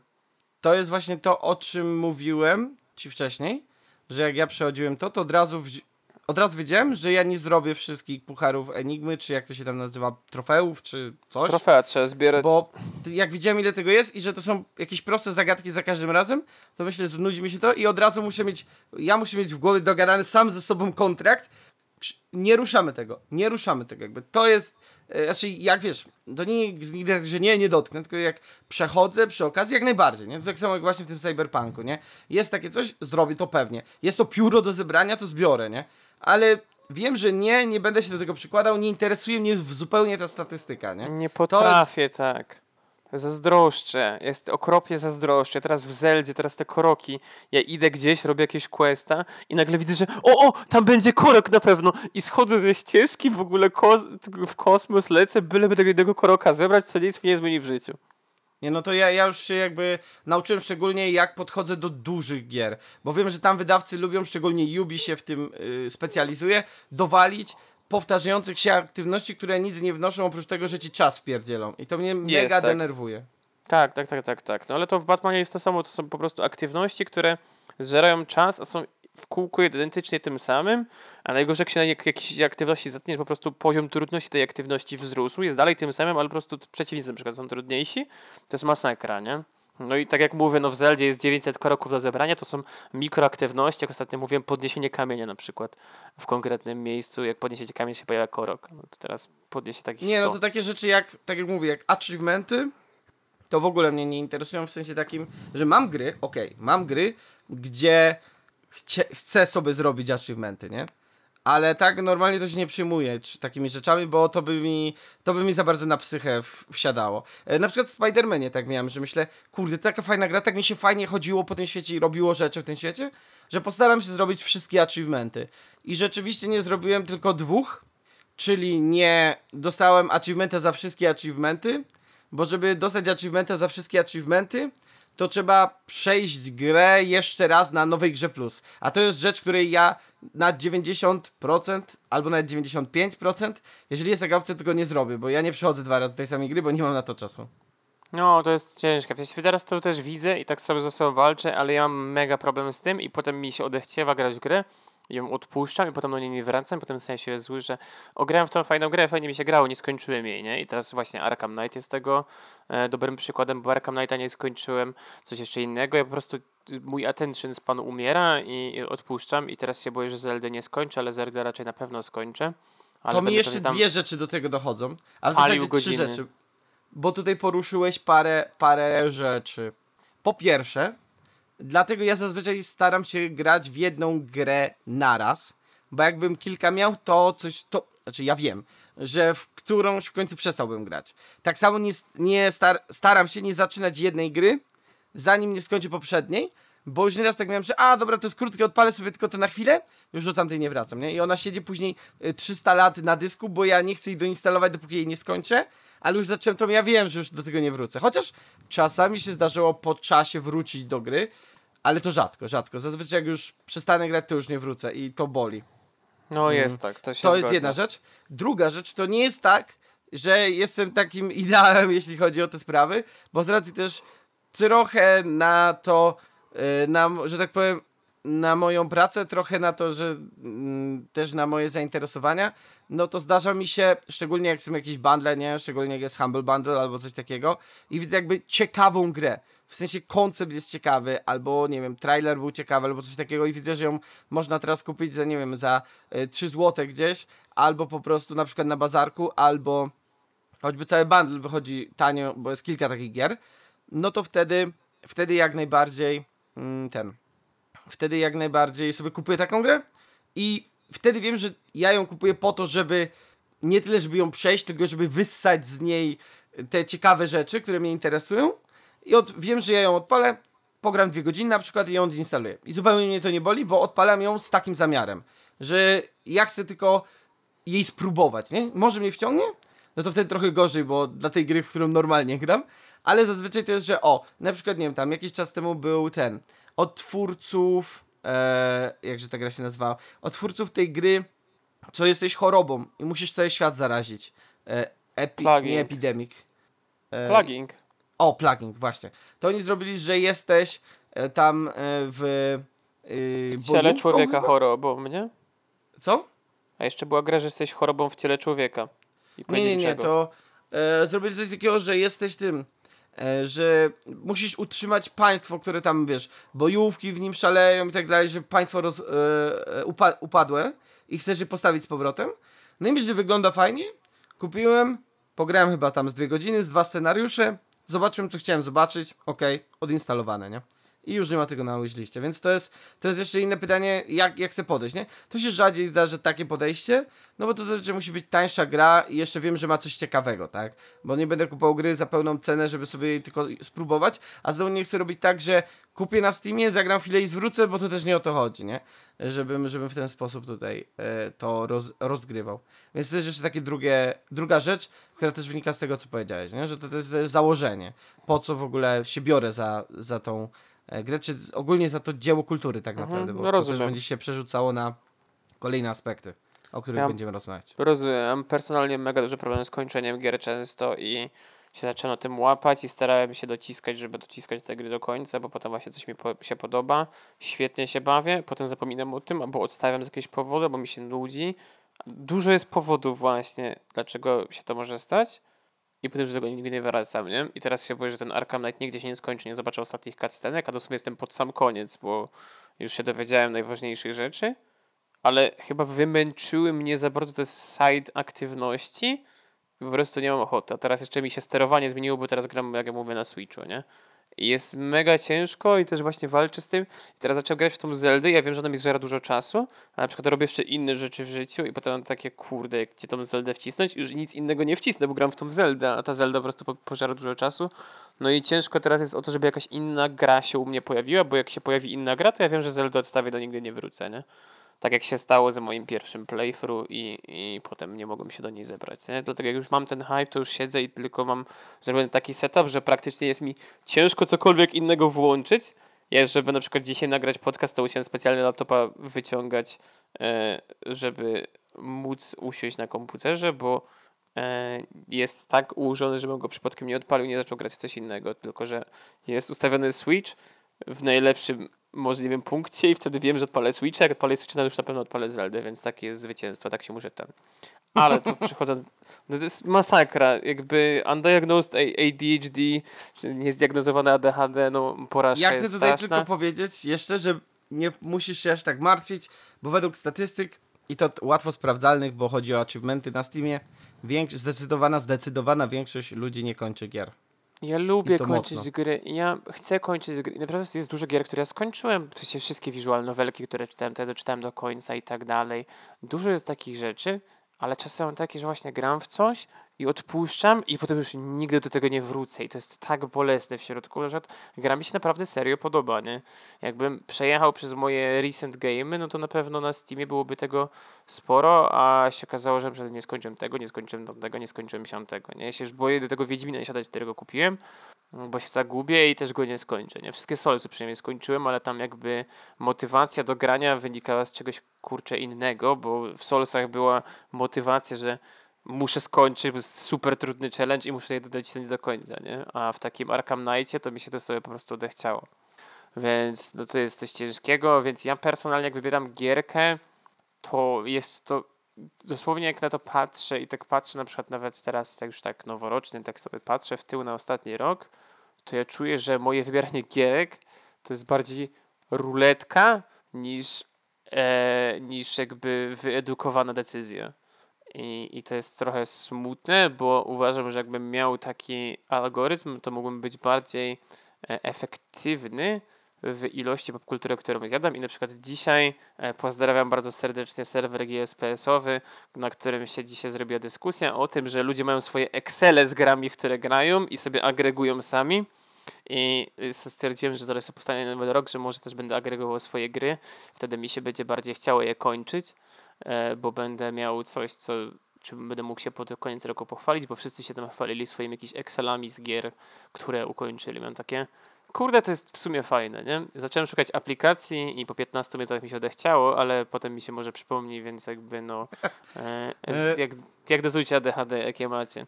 To Nie jeżeli komuś serdecznie. by się zdawało, że ja jako człowiek, który może wychodzić na takiego właśnie, nie wiem, ekonomisto statysty, tak, statys, staty, statystyka, o, by miał takiego Excela czy coś, to nie. Jakby ja poważnie podchodzę do wybierania, ale później już się tym nie przejmuję, nie? Jakbyś mnie tak, spytał, tak, tak. jakie seriale, albo filmy, albo gry obejrzałem w tym roku, to już nie pamiętam. Ja po przejściu to ja rozumiem. gitara to, się ma, nie? To, to jest y, odbicie do tego tematu agregatora, bo to nie, nie agregujesz. Ja lubię agregować, ale agregatorem gier u mnie jest po prostu e, Steam Recap i, i tyle. I jakby jak zobaczyłem w jakie gry zagrałem, to ja takie, no dobra, zagrałem w te gry, ale w ogóle jakby trochę tak dziwnie jest, no ale to jest ciekawe. Ale aczkolwiek, przechodząc do takich innych rzeczy, e, filmy i seriale, bo to jest coś ciekawszego, bo na przykład tutaj już od razu powiem na początku personalnie, tu przynajmniej nie ma stresu, że ich nie dokończę, bo tutaj przynajmniej robię tak, że oglądam sobie jeden serial, to oglądam jeden serial i nie ma nic innego, wtedy jest jeden serial, koniec. Jak oglądam film, to film się kończy na raz, więc jakby nie mam problemu. Więc to jest przynajmniej tyle tutaj dobrego, że jak już wybieram, to już przynajmniej ciśnie do końca. E, ale jak to działa? To jest ruletka. U mnie tak samo, bo tak jak już trochę powiedziałem na początku, czy że mam jakiś plan to watch na anime, które gdzieś tam wiem, że będę chciał obejrzeć i są zapisane, e, albo są ważne, żebym je obejrzał. E, filmy trochę mniej, bo tak mówię, oglądam mniej filmów, ale też filmy jakieś tam gdzieś w główce mam, które chciałbym obejrzeć, ale na jak się wygląda takie anime albo serial, to i tak to czuję, że to jest taka ruletka, bo ja często, na przykład yy, teraz padłem tego piękną ofiarą, gdzie przed Sylwestrem stwierdziłem, że będę chciał obejrzeć jakieś anime i kliknę, stwierdziłem, dobra, to wejdę na stronę z anime i kliknę random.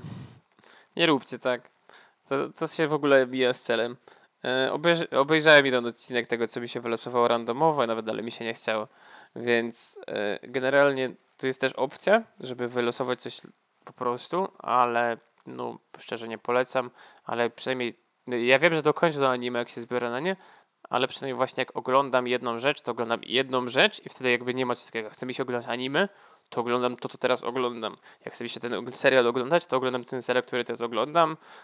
No z filmami to jest jedna, jednorazowa akcja i tyle, więc tak to u mnie wygląda, ale też ciężko mi powiedzieć. W sensie dlatego na przykład fajnie było, jak były takie rzeczy, które na mnie z góry wymuszały oglądanie, czy jak Puszy mnie postawił przed e, faktem dokonanym powiedział, że muszę obejrzeć jeden z tych filmów, przynajmniej wiedziałem, co obejrzę, nie musiałem się stresować o wybieranie, bo e, było to top 10 filmów, których Kubox nie obejrzał, no to obejrzałem ten pierwszy i przynajmniej się nie stresowałem z wybieraniem filmu, teraz to obejrzałem i było super, bo się czułem tak wolny, jak tak po prostu miałem takie wow, chcę obejrzeć film, wiem, co oglądam, to był najlepszy feeling w życiu, więc jakby e, oddajcie decyzję komuś innemu. A jak to u Ciebie wygląda, Pushing? Otóż zapraszam na segment niesponsorowany algorytmy Pusina. to znaczy w filmach i w serialach istnieje podobny, a czy nie ten sam proces wyboru. Mm, seriale mają troszeczkę bardziej skomplikowany ten proces, filmy trochę mniej. ale no czasami, tak jak mówię, to już czasami to bywa męczące, ale ja, ja muszę, ja muszę, bo się uduszę. A używasz How Long to Beat na seriale? Mm, coś w tym stylu, coś w tym stylu. Tylko nie trzeba używać How Long to Beat, bo chyba każdy y, streaming ma napisane ile, ile trwa film. E, a jeśli chodzi o serial, no to można sprawdzić liczbę odcinków i średnią liczbę czasu trwania odcinka i sobie podzielić. Znaczy pomnożyć, a w moim przypadku jeszcze podzielić.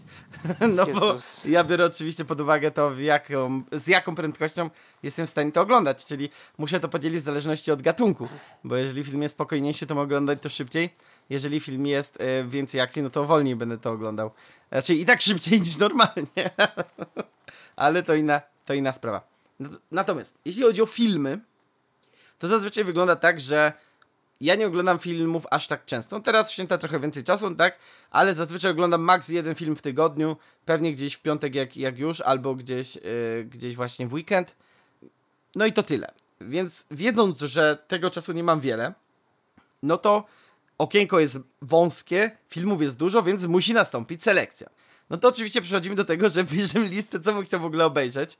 Yy, a w zasadzie nawet nie tyle, co bym chciał obejrzeć, tylko co mam w wishlistach na każdej z platform streamingowych, więc muszę odpalić wszystkie platformy streamingowe. Naprawdę, teraz jak ktoś tego słucha, może jest coś takiego, a nawet o tym nie wiem. Jakby istniała aplikacja, która agreguje wszystkie yy, w wishlisty z, z wszystkich platform streamingowych i jeszcze jakby tam się dało dodawać własne yy, rzeczy i żeby to jeszcze pokazywało, na jakiej z tych, na którym z tych streamingów to jest, to ja bym w to wszedł jak w masło po prostu. Bo ja w, ty, w, tyki, w takim układzie muszę odpalić każdą z platform streamingowych, odpalić na każdej z nich wishlistę i ją przeglądać. E, I przeglądam każdą i wyklikuję sobie rzeczy, które w ogóle mam ochotę obejrzeć, albo chciałbym obejrzeć. No i jak już sobie to wyklikam, no to jeszcze sprawdzam nowości. Co ciekawego doszło, bo może doszło akurat coś, co chcę teraz obejrzeć. No i jak już teraz mam te wszystkie filmy, no to sprawdzam ile one trwają, tak? Bo może nie mam ochoty na coś, co teraz będzie trwało 3 godziny, czyli nawet półtorej godziny w moim układzie, tak?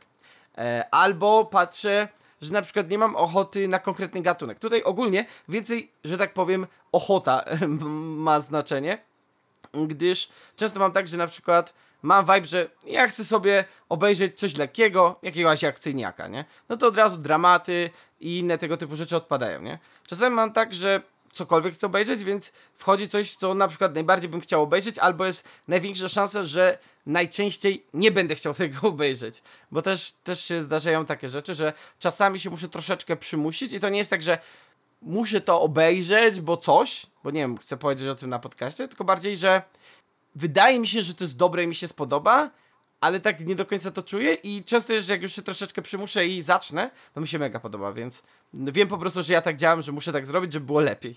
Więc tutaj to z tego wynika. No i jak mam te wszystkie rzeczy poukładane, to oczywiście sobie też patrzę na yy, patrzę sobie na czas i patrzę też na oceny. To jest też dla mnie istotne, no bo y, mam tylko, mam wąskie okienko, więc nie chcę na byle co tego marnować. Oczywiście to nie jest tak, że oceny zawsze wszystko wyznaczają, bo czasami y, specjalnie chcę coś gorszego obejrzeć. Nie? To jest specyficzny przypadek, ale zdarza się. No ale patrzę na oceny, czy też czy, czasem patrzę na recenzje, albo co ludzie o tym piszą. No i wiesz, zanim wybiorę ten film, to mija pół godziny. To jest masakra właśnie, w sensie jakby ja już naprawdę, mimo że ten random mi się raz nie sprawdził, bo zrobiłem go raz w życiu i nie sprawdził się dobrze, to przynajmniej byłem zadowolony, że wybrałem szybko. Stwierdziłem, kurna, jak ja teraz usiądę i zacznę przeglądać, co chcę ten, to już mi ekwiwalent trzech odcinków przeleci. Więc ja stwierdziłem, dobra, klikam random i puszczam play i tyle się wtedy przejmował, nie? To pożałowałem, ale przynajmniej wybrałem szybko, więc jakby są No to jest- plusy, są minusy. To wyboru, wy, raczej prędkość wyboru no to jest problem. Znaczy, no wiesz, to też nie zawsze jest tak, że zawsze odpalam ten algorytm, nie? Bo na przykład ostatnio właśnie wychodziło to Mario. Myślę, no to będę chciał na pewno obejrzeć, więc to taki fast pick jest, nie? To czasami się tak zdarza, że po prostu wiem, że teraz wychodzi coś, co na co na przykład chciałem iść do kina, ale bo nie miałem czasu, albo po prostu uznałem, że a, do kina to nie, ale jak wyjdzie to obejrzę. No i czasami to wpada od razu, nie? Że taki trochę kult nowości się aktywuje. Ogólnie o kulcie nowości to moglibyśmy zrobić osobny odcinek, ale... Ale to jest właśnie taki moment, że y, tak samo jak ostatnio tam sobie mm, coś jeszcze. O, ten nowy Indiana Jones, nie? To też od razu jak wszedł, to sobie obejrzałem. Tak samo było z tym filmem z, e, z uniwersum D&D. Jak sobie wbił na Sky Showtime, Sky, tak, Sky Showtime, tam chyba wbił, e, to od razu sobie obejrzałem. Więc to jest trochę troszeczkę taki e, taki właśnie e, vibe tego, że jak coś jest nowe i już wchodzi, to a, to sobie zobaczę od razu. A jeszcze inna sprawa, że czasami do tego jeszcze FOMO dochodzi. Jak masz to oznaczenie, że no, ten film za chwilę przestanie być na naszej platformie. O, to wtedy się zaczyna. Bo FOMO to ma dosyć poważny mnożnik do ważności obejrzenia. Więc to jest kolejna, kolejna, kolejna rzecz.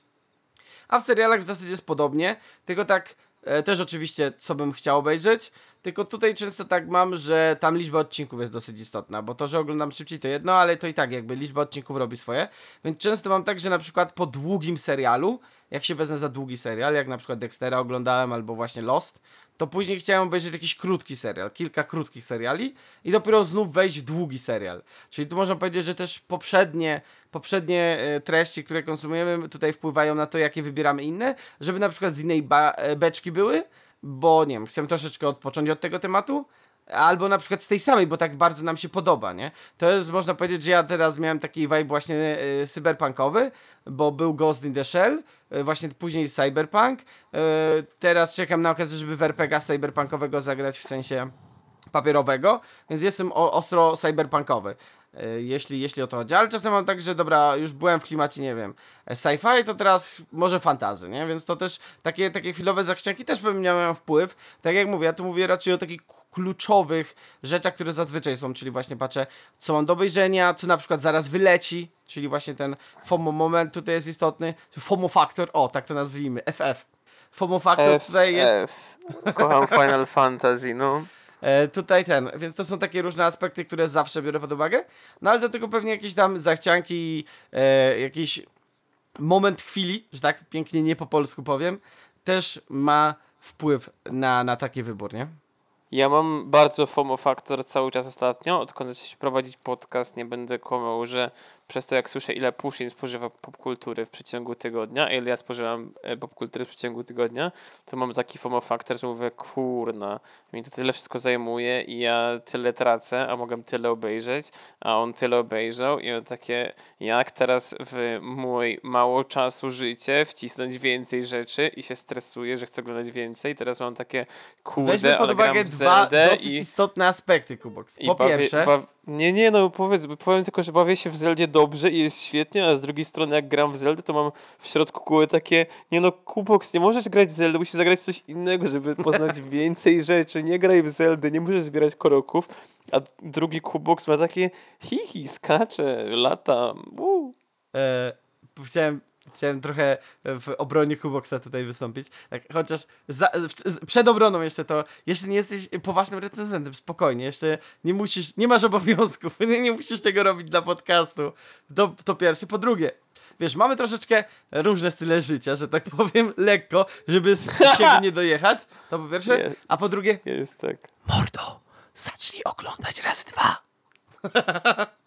Ale nie mogę oglądać razy dwa, bo ja się wsłuchuję. Anime nie mogę oglądać razy dwa, bo uczy się japońskiego, się wsłuchuję w język, więc ja próbuję wyłapywać już jakieś podstawowe formy zdaniowe, które znam. Więc anime w ogóle odpada razy dwa. Gier się nie da grać razy dwa, bo... Ej, mordo, mordo, mordo, ej. Słyszałeś o speedrunach? No, tak, ale jak gram pierwszy raz, to nie speedrunuję. Ja słyszałem o speedrunnerze, jestem speedrunnerem, ale jak gram w Zeldę, to Zelda chodzi tylko z konkretną prędkością i się nie da ten... E, no, wiesz co mi się teraz przypomniało? Jak dawno, dawno temu grałem gdzieś tam na jakimś emulatorze, jeszcze za dzieciaka w jakieś Pokémony. O... Ja pitole. E, to przynajmniej razy dwa trzeba było grać. Ja nie wiem, jak można było w te gry grać bez razy dwa. Jak tam animacje wchodzenia i wychodzenia do walki trwały tak nieludzko długo tam ta opcja przyspieszania procesora, czy jak to się tam nazywało, ten fast forward, że silnik po prostu tam zaczynał tak grzać, że wszystko tak leciało szybko i ja tylko w ten sposób przeszedłem tam Pokémony tam Fire Red czy coś. Gdyby nie to, to w życiu bym ich nie przeszedł. No tak, te pierwsze Pokémony są takie ten, no ale to jest właśnie to i ja mam potem takie straszne FOMO, że mówię takie, no muszę w coś zagrać, muszę w coś zagrać innego, nie mogę grać już w Zeldę. No, Dlatego to, musisz, to, to, wiesz, tak musisz e, X-Passa sobie wziąć, bo to jest jedna z właśnie jest X-Pass jest takim troszeczkę uwolnieniem mnie z tego wszystkiego, o czym dzisiaj tutaj mówię, bo na X-Passie mam tak, że jak ktoś wychodzi, mało ważne co to jest, ja to od razu pobieram, siadam i gram godzinę. To jest tak zwany test godziny. Jeżeli w godzinę mnie to zainteresuje, to może do tego wrócę, pewnie zacznę od nowa grać, jak już. A jak nie, to jakby nic nie straciłem, a poznałem coś nowego. Więc ja z tej perspektywy godzinę, z tego, jak mówiłem godzinę też to o tym... No ja, dla mnie godzinę to jest często maks grania, które jestem w stanie wyciągnąć wcisnąć w wolnym czasie. No to idealnie w takim razie test godziny pasuje do ciebie.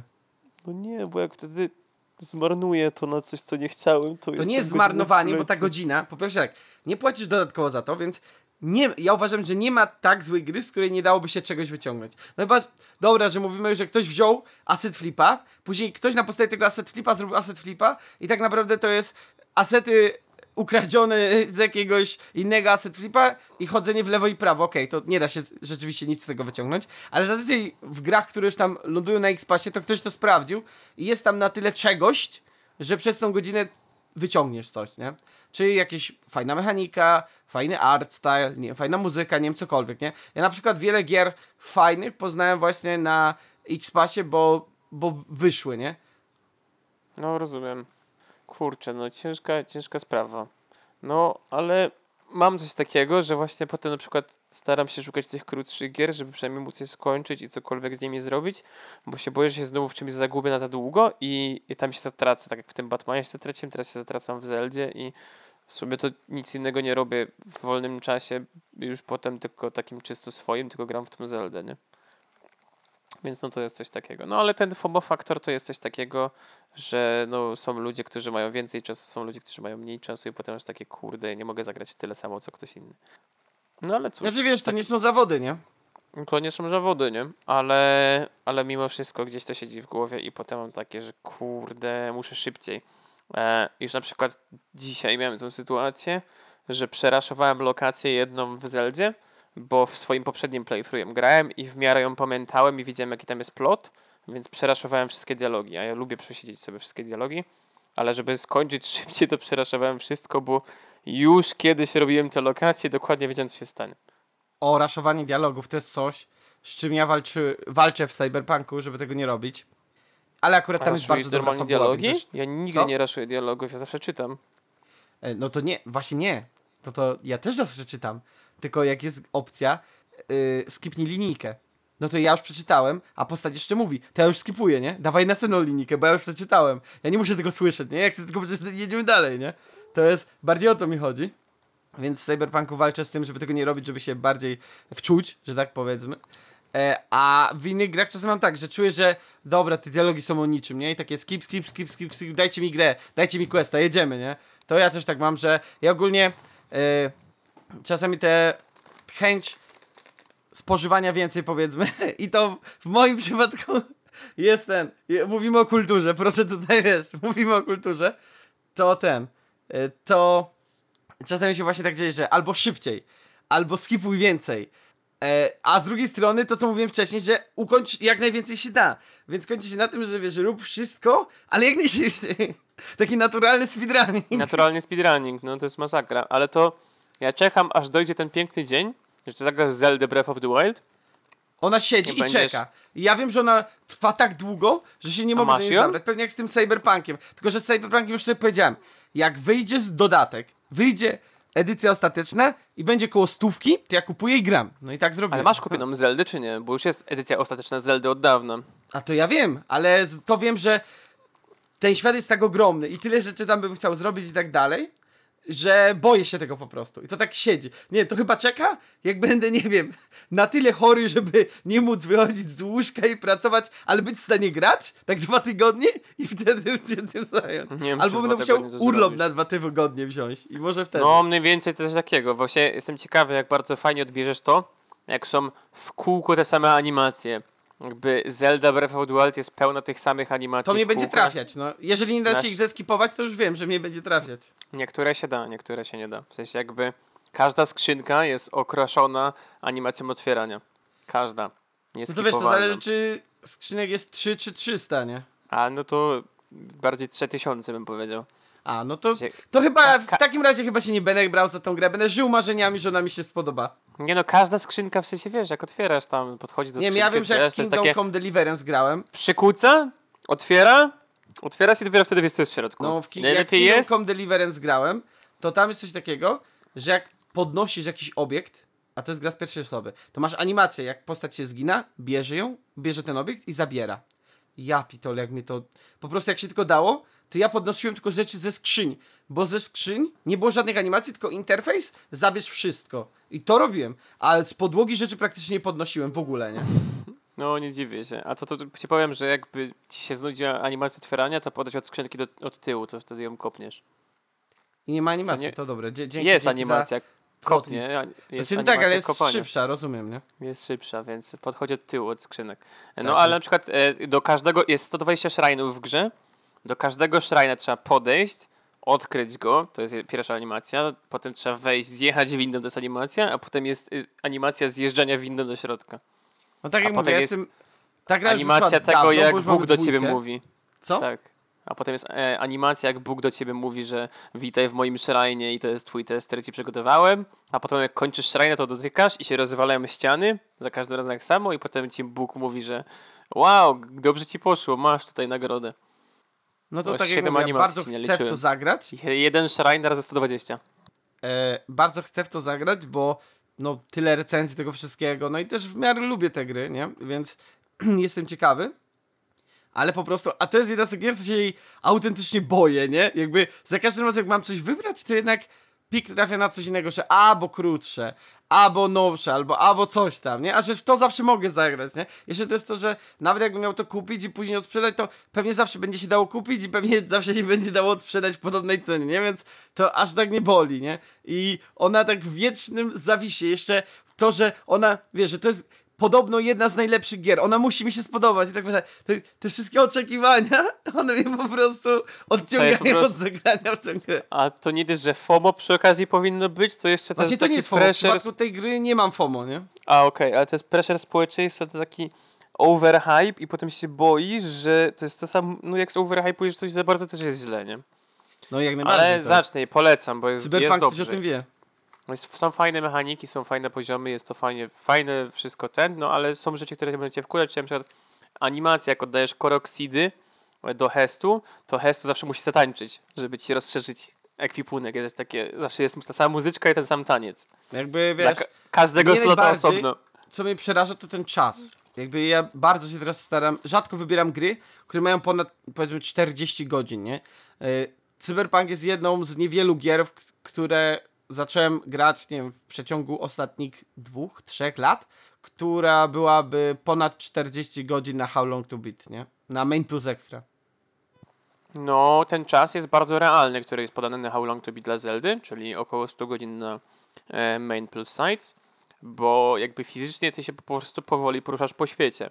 A to Nawet jest inna masz- sprawa, że e, otwarte gry i gdzie nie da się łatwo robić szybkiej podróży, to, to też mnie będzie trzepać, to, to ja wiem. No. Już w Cyberpunku to, że nie da się po prostu kliknąć w miejsce i steleportować, tylko trzeba podjechać do miejsca, gdzie jest szybka podróż. To już mnie trzepie, nie? A to nie, to, to tam możesz się potem teleportować wszędzie, ale pierwsze odkrycie mapy zajmie ci 15 godzin co najmniej. No ale no to tak, to zawsze tak jest, to, to, to jest normalna mechanika, nie? Proste, że nie będziesz miał od razu, ale jeżeli można przynajmniej łatwo się teleportować od razu w miejsce, gdzie już, które już Tak, widziałem, możesz być, możesz być w najlepszym dangerze, znaczy miejsce, są konkretne punkty, które się możesz teleportować, no tak, tak, może to o tym mówię, nie? w największym niebezpieczeństwie możesz się tepnąć.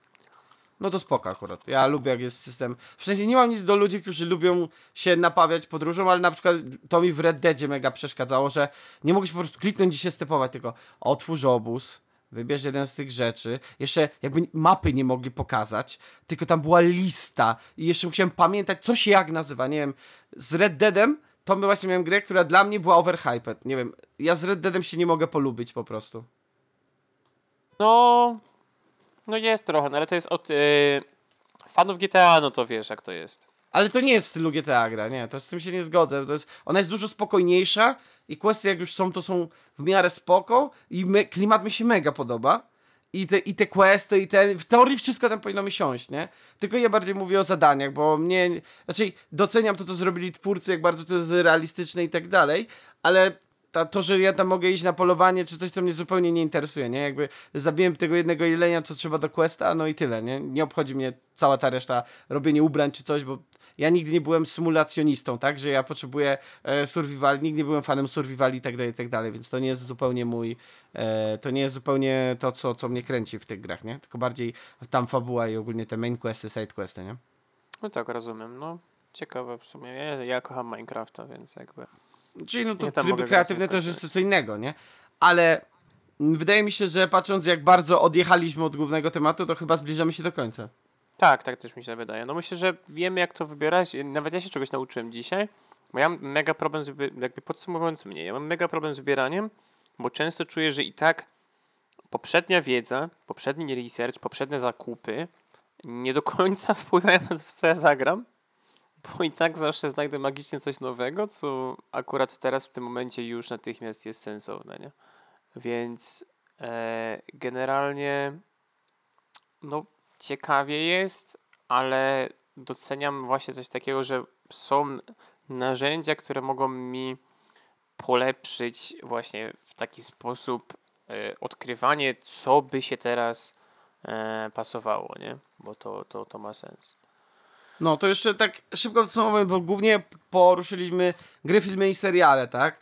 Ale myślę, że to też podobnie się na książki przekłada, no, jeżeli też o mnie chodzi, że właśnie też podzielić co chcę przeczytać, ile co ma stron, ile mi to zajmie, to samo się narzuca na komiksy i tak dalej, i tak dalej.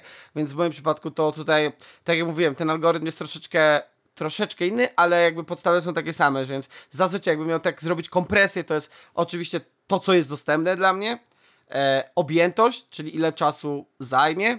No i oczywiście też jakaś zachcianka, bo nie oszukujmy się, no to, to nie jest praca, tak? Możemy sobie wybrać to, co nam się bardziej podoba, nie? Tylko jednak, jeżeli, ja wiem, że jeżeli mi zależy na tym, żeby coś skończyć, to jeżeli lepiej to dopasuję pod moje aktualne możliwości czasowo jakieś tam, bo to zależy też od medium, no to wtedy lepiej na tym wyjdę, nie? To tak samo się przerzuca, jakby nie patrzeć na gry planszowe, nie? Że wie, wiecie, że macie jedno spotkanie na tydzień, zawsze, nie wiem, gracie parę godzin, no i czy wepchnąć jedną grę na x godzin, czy dwie gry na x przez dwa godzin, nie? I to jest... To są właśnie te trudne decyzje, które my jako fanatycy popkultury musimy każdego dnia nasz trud ciężki, codzienny podejmować. Pamiętajcie, że ten wybór to nie jest byle jaki wybór, jak już na początku próbowałem powiedzieć. Wybór tego, co spożyjecie następne, może zmienić wasze życie nie do zapomnienia. Może odkryjecie jakiś nowy gatunek. Dobra, nie stresuj ich Może tak, bo później będą, wiesz, wybierać dwie godziny, półgodzinny serial, nie? To jest. To jest najgorsze, nie róbcie tak. Zapytajcie tak- kogoś, że wam coś Aż tak się nie przyjmujcie, nie? Czasami sobie pozwólcie. To jest coś, co ja próbuję zrobić, jeśli chodzi o filmy i seriale, nie? E, bo gry no to trochę bardziej boli, bo jednak je kupujemy. Chyba, że X-Pass, bo to to ten. Że pozwólcie sobie czasami odpalić coś i spróbować, nie? a jak nie, to wywali do śmieci, nie? Ja się uczę wywalać do śmieci, nie? To jest, to jest, patrząc jak bardzo jesteśmy zarzucani różnymi rzeczami, to ja się uczę wyciągnąć jak najwięcej i wywalać do śmieci, jeżeli mi coś nie podejdzie, nie? Z tym mi ciężko idzie, z racji na to, o czym mówiłem wcześniej, ale uczę się tego, nie? A tak, bo jest strach przed... Yy przed straceniem czegoś, że jak się już w coś zaangażujecie, no jest coś takiego, no to no, no, no, no, no, no, no to nie bójcie się. Nie to stracicie, jak to jest z posiadaniem pomysłów. Jest taka maksyma przy tworzeniu gier i nie tylko, nie? To ogólnie tworzeniu dzieł, czy kreatywnym tworzeniu, że nie bójcie się zabijać własnych dzieci i chodzi nam tu o pomysły oczywiście. E, więc, y, że to, że po prostu trzeba potrafić czasami zrezygnować, żeby nie wpaść w ten słynny efekt Concorda, gdzie tracicie czas, pieniądze, ogólnie zasoby na coś, co jest z góry skazane na porażkę, w przypadku kultury po prostu na coś, co i tak wam się nie podoba na przykład. Tylko się zmuszacie, żeby skończyć. To nie róbcie tego jakby. To jest Nie, nie rada dla mnie. Nie zmuszajcie się, kochani, bo nie ma co. Ważne, żebyście się dobrze bawili i czerpali z tego przyjemność, bo po to wszyscy tu jesteśmy, po to się zagłębiamy w popkulturę, aby czerpać z niej przyjemność. Jeżeli już nie czerpiecie przyjemności z gierki, filmu, serialu, odpuśćcie. Nie oglądajcie szóstego sezonu House of, House of Cards. To nie jest tego warte. Chyba, że akurat potrzebujecie tego, to proszę bardzo jakby. Kim Chyba, jesteśmy, że pracujecie jako recenzent. Chyba, że pracujecie jako recenzent i musicie obejrzeć to, żeby napisać. Ale to e, wtedy jest twoja praca. To jest inna sprawa. To Nie? jest twoja praca, albo piszecie pracę licencjacką o tym, dlaczego House of Cards sezon 6 jest beznadziejny, powinien zostać spalony, to wtedy musicie obejrzeć, niestety. A może właśnie, ale tak, wiesz, nie komuś się oglądacie podoba szóstego szósty sezonu. sezon i co wtedy? No, legendy istnieją też z jakiegoś powodu, e, ale legendy zawsze pozostają legendami. Jest tam ziarnko prawdy, ale nie do końca, e, nie do końca odpowiadają naszej rzeczywistości, tak? Więc nie oglądajcie szóstego sezonu House of Cards, to jest e, wniosek na dziś. I nie klikajcie random na anime, bo to się kończy źle. Nie, ogólnie, jak już to klikajcie random na waszej wishliście. To może być dobre podejście. To jest, to jest fajny, ostatni, losowy punkt podsumowania. Jak nie wiecie, co wybrać, to kiedyś z jakiegoś powodu daliście coś na tą wishlistę. Wiecie na przykład, co jest? E, wejdźcie sobie, macie grę na Steamie, macie masę gier niezagrane na Steamie. Wejdźcie sobie na SteamDB i tam jest kalkulator, wpisujecie wasz nick i pokazuje wam po pierwsze wartość konta, a po drugie tam jest coś takiego e, jak Lucky, e, lucky Guest czy Lucky Game i po prostu losowo wybiera grę z waszej biblioteki i mówi zagrajcie w tym. I nawet możecie kliknąć sobie przycisk, żeby od razu wam zagrało i otworzyło Steam. Na Xpassie też jest coś takiego, że odpowiadacie na tam dwa czy trzy pytania i losuje wam grę, która jest w Xpassie. To też jest jakaś tam opcja.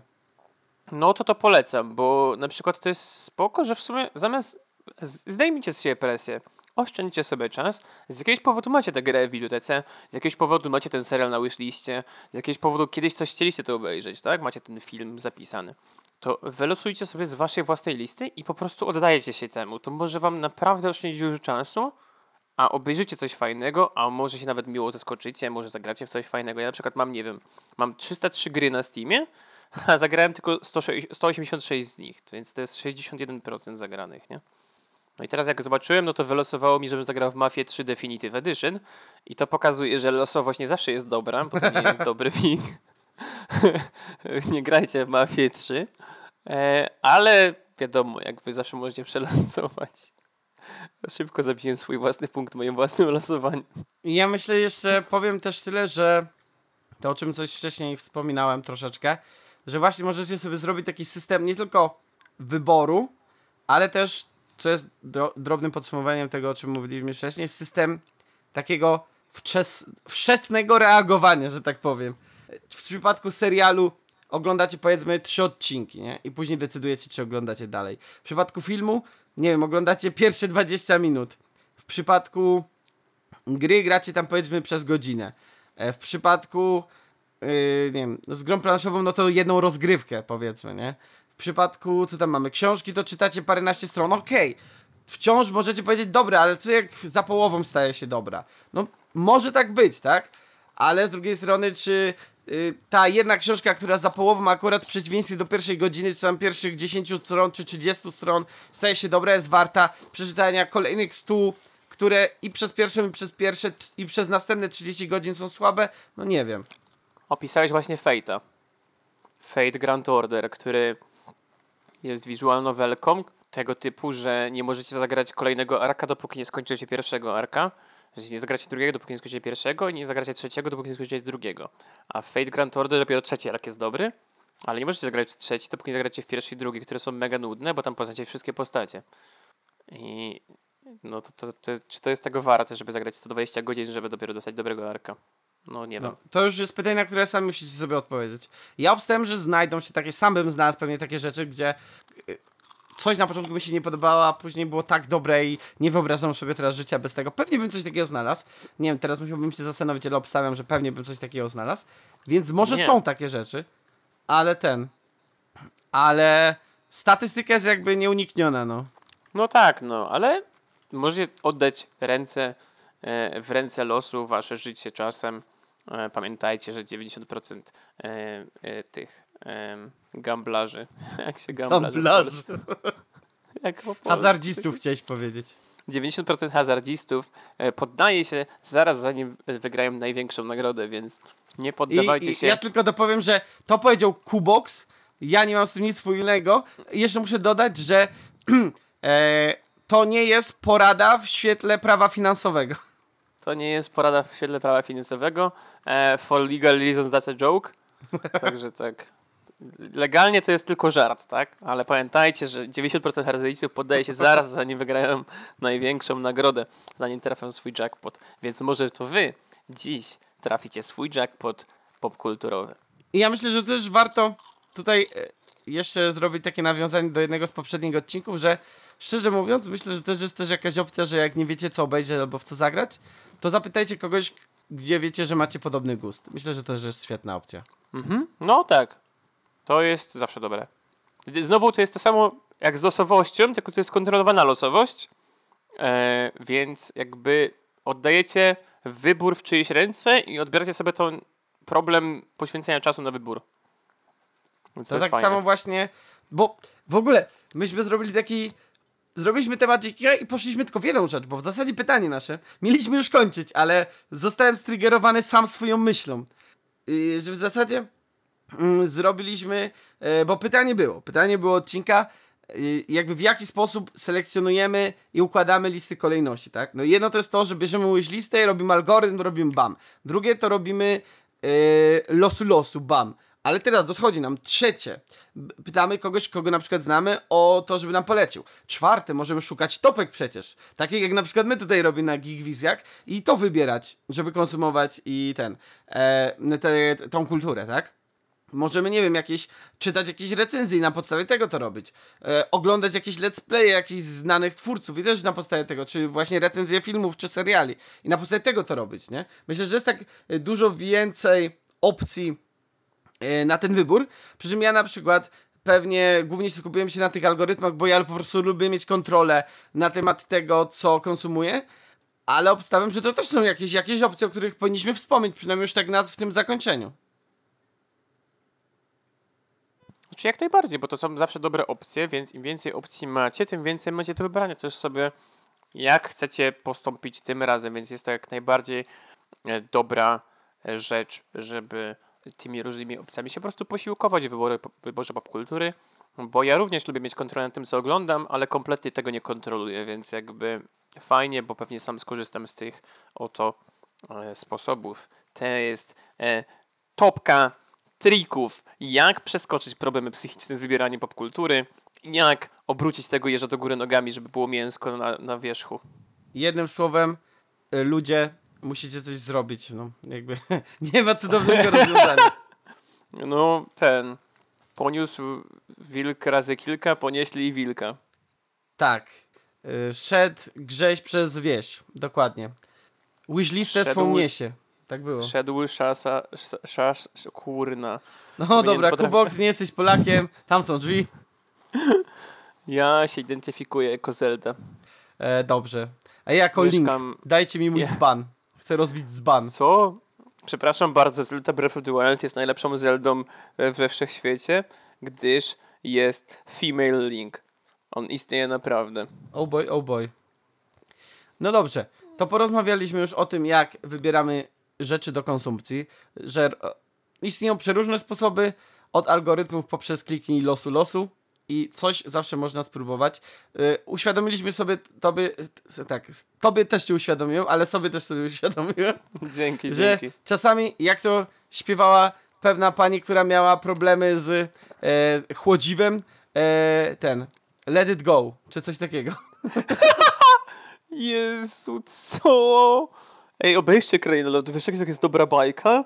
Kraina Lodu jest świetna. Kocham Krainę Lodu, tylko I że Anna mnie wkurza. Średnio optymistycznym akcentem zakończymy ten odrobinę przeciągający się temat główny, który miał być krótki. Teraz, teraz mnie zabolało w głowie, bo sobie przetłumaczyłem Let It Go i się skapnąłem, że Let It Go po polsku to jest Mam tę moc i to kompletnie nie ma sensu.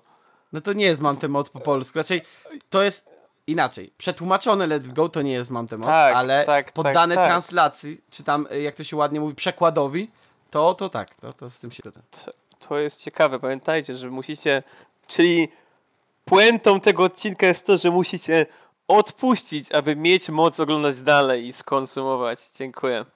Dziękuję, Połączyłem- Kubox. Właśnie zostałeś nadwornym wieszczem y, tego podcastu. Gratulacje. Amen. Dokładnie. Cieszę się bardzo, że mogłem tak, takie, taką pozycję zająć w tym zarządzie. Tak, rachunek przyjdzie pocztą, czy coś. Dobrze, to teraz myślę, że możemy przejść do kolejnej części naszego fascynującego, bo jak żeby inaczej podcastu. Ja się Może- świetnie bawię. To jest, mo- to Jest- jest moment, gdzie możecie napisać komentarz, dlaczego tak nie jest. Miał być nowy rok, nowa ja, a ja się czuję tak samo głupi i stary, jak byłem rok temu, więc No nie, wiem, właśnie najgorsze jest to, że jesteś starszy. O nie! Dobrze. Matko bosko, co się E, w stanęło? ostatnim odcinku nie było typowego ringu, bo robiliśmy sobie predykcje na Steam Awards, a że wyników chyba jeszcze nie ma. Chyba, nie ma, jutro właśnie, będą chyba. tak, wydaje mi się, że 2 stycznia mają być, bo wcześniej sprawdzałem i ich jeszcze nie było. Chyba, że nagle Nie, jeszcze nie było. ma. Jeszcze No to- nie ma. Nie będzie tego w tym odcinku, tak jak mówiliśmy, że najprawdopodobniej będzie to za dwa odcinki. Natomiast Steam dzisiaj... Awards jest dż- 2 stycznia 10 am Pacific, czyli o 19 czasu polskiego. No właśnie. 19 czyli, czasu no polskiego jutro. odcinku. W następnym odcinku się dowiecie, kto wygrał.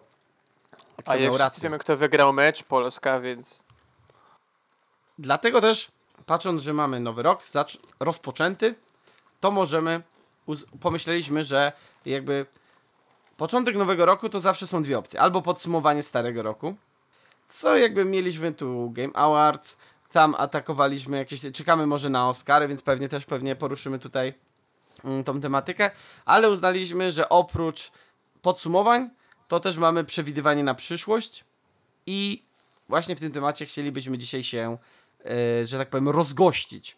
tak, więc dlatego przygotowaliśmy po prostu e, top 10, popraw mnie, jeżeli poprawiłem złą liczbę, ale wydaje mi się, że 10 rzeczy, które nadchodzą w tym jakże przepięknym, okrągłym 2024 parzystym roku.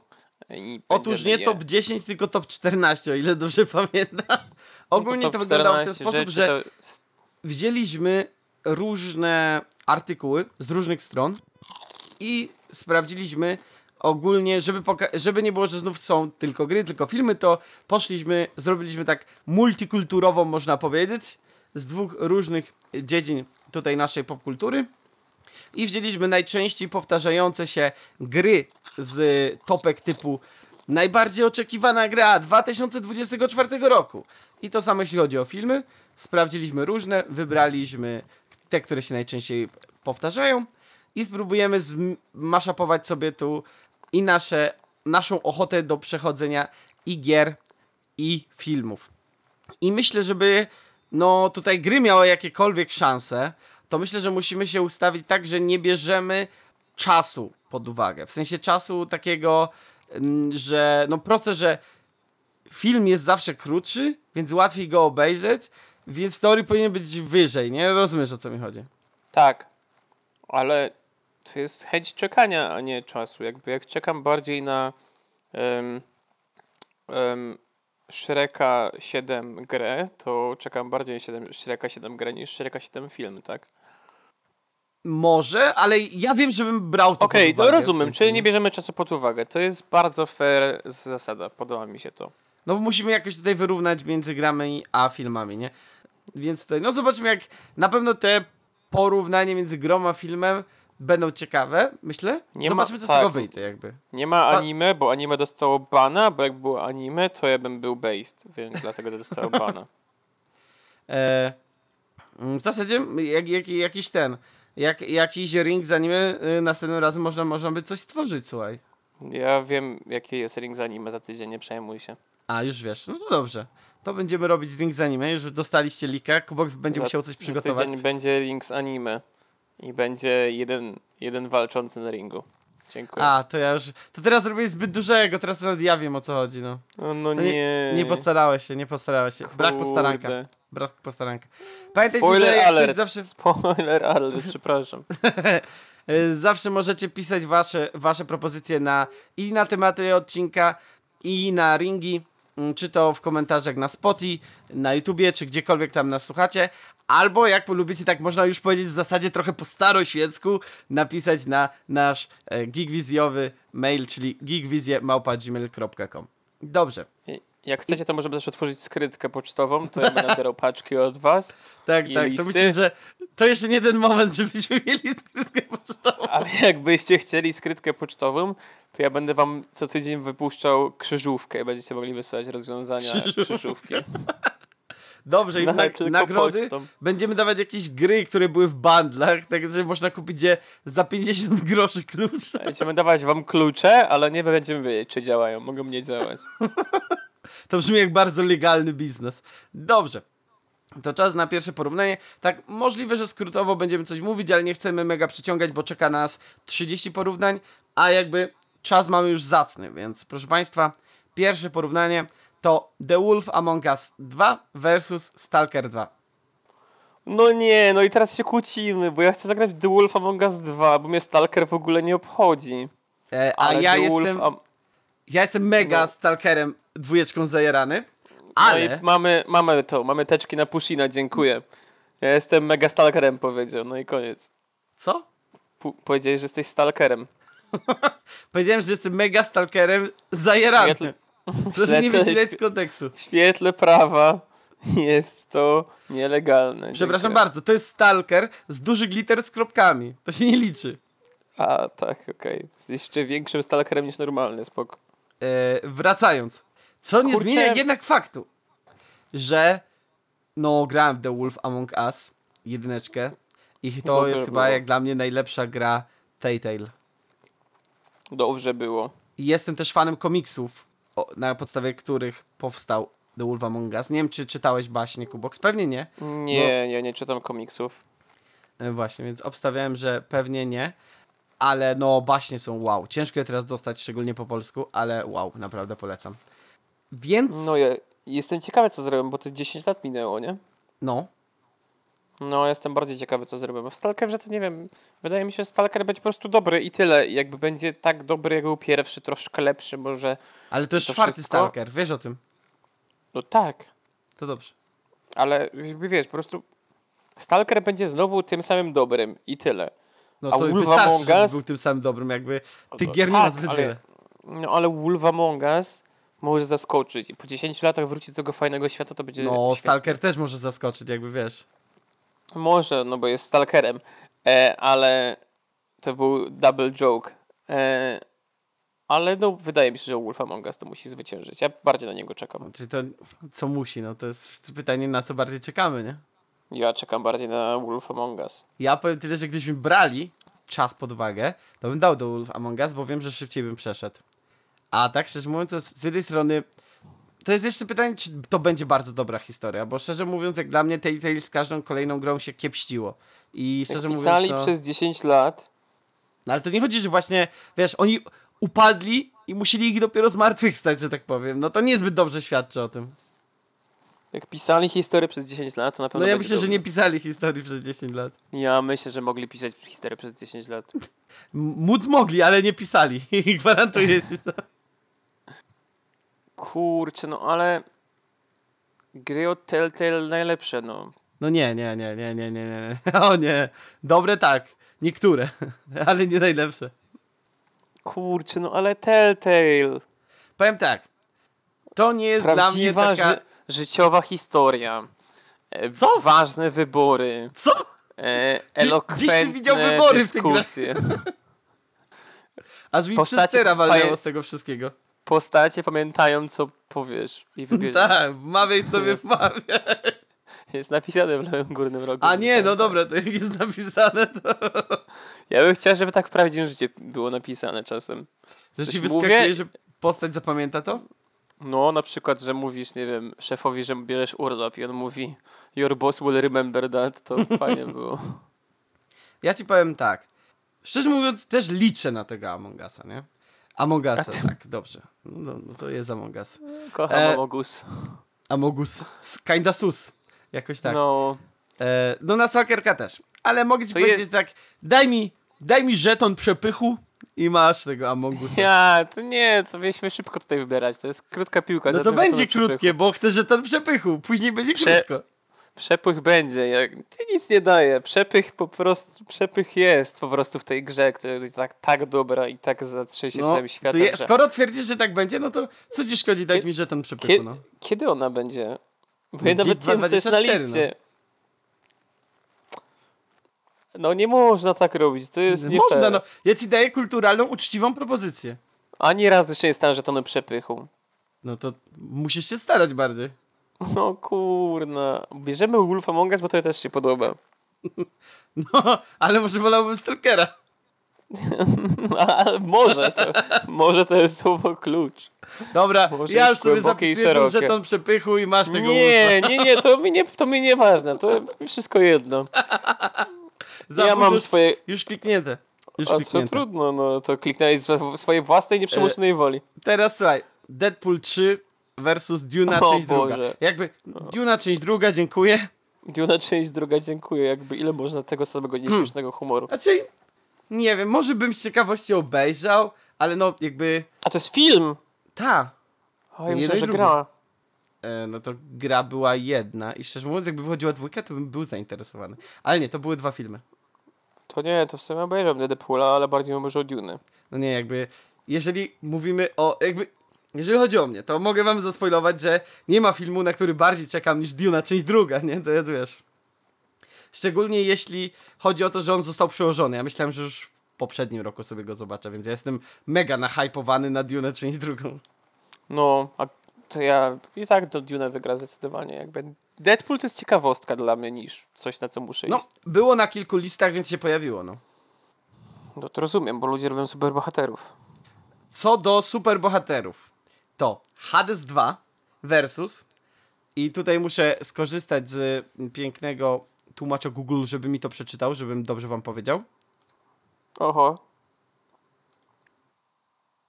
Joker, Folie, Adu, bo to z francuskiego, czyli Joker 2 po prostu, ale sobie tak dziwnie wymyślili. To nie można po prostu powiedzieć Joker 2. No bo E, to nie ma dwa, tam to jest właśnie Joker i Folie, Adu. Po, francusku, francusku? cokolwiek to znaczy. Może wam powiem, co to znaczy. Czekaj, zaraz sobie damy tu na polski. E, fajnie, przetłumaczyło mi to na Joker Folie Adu.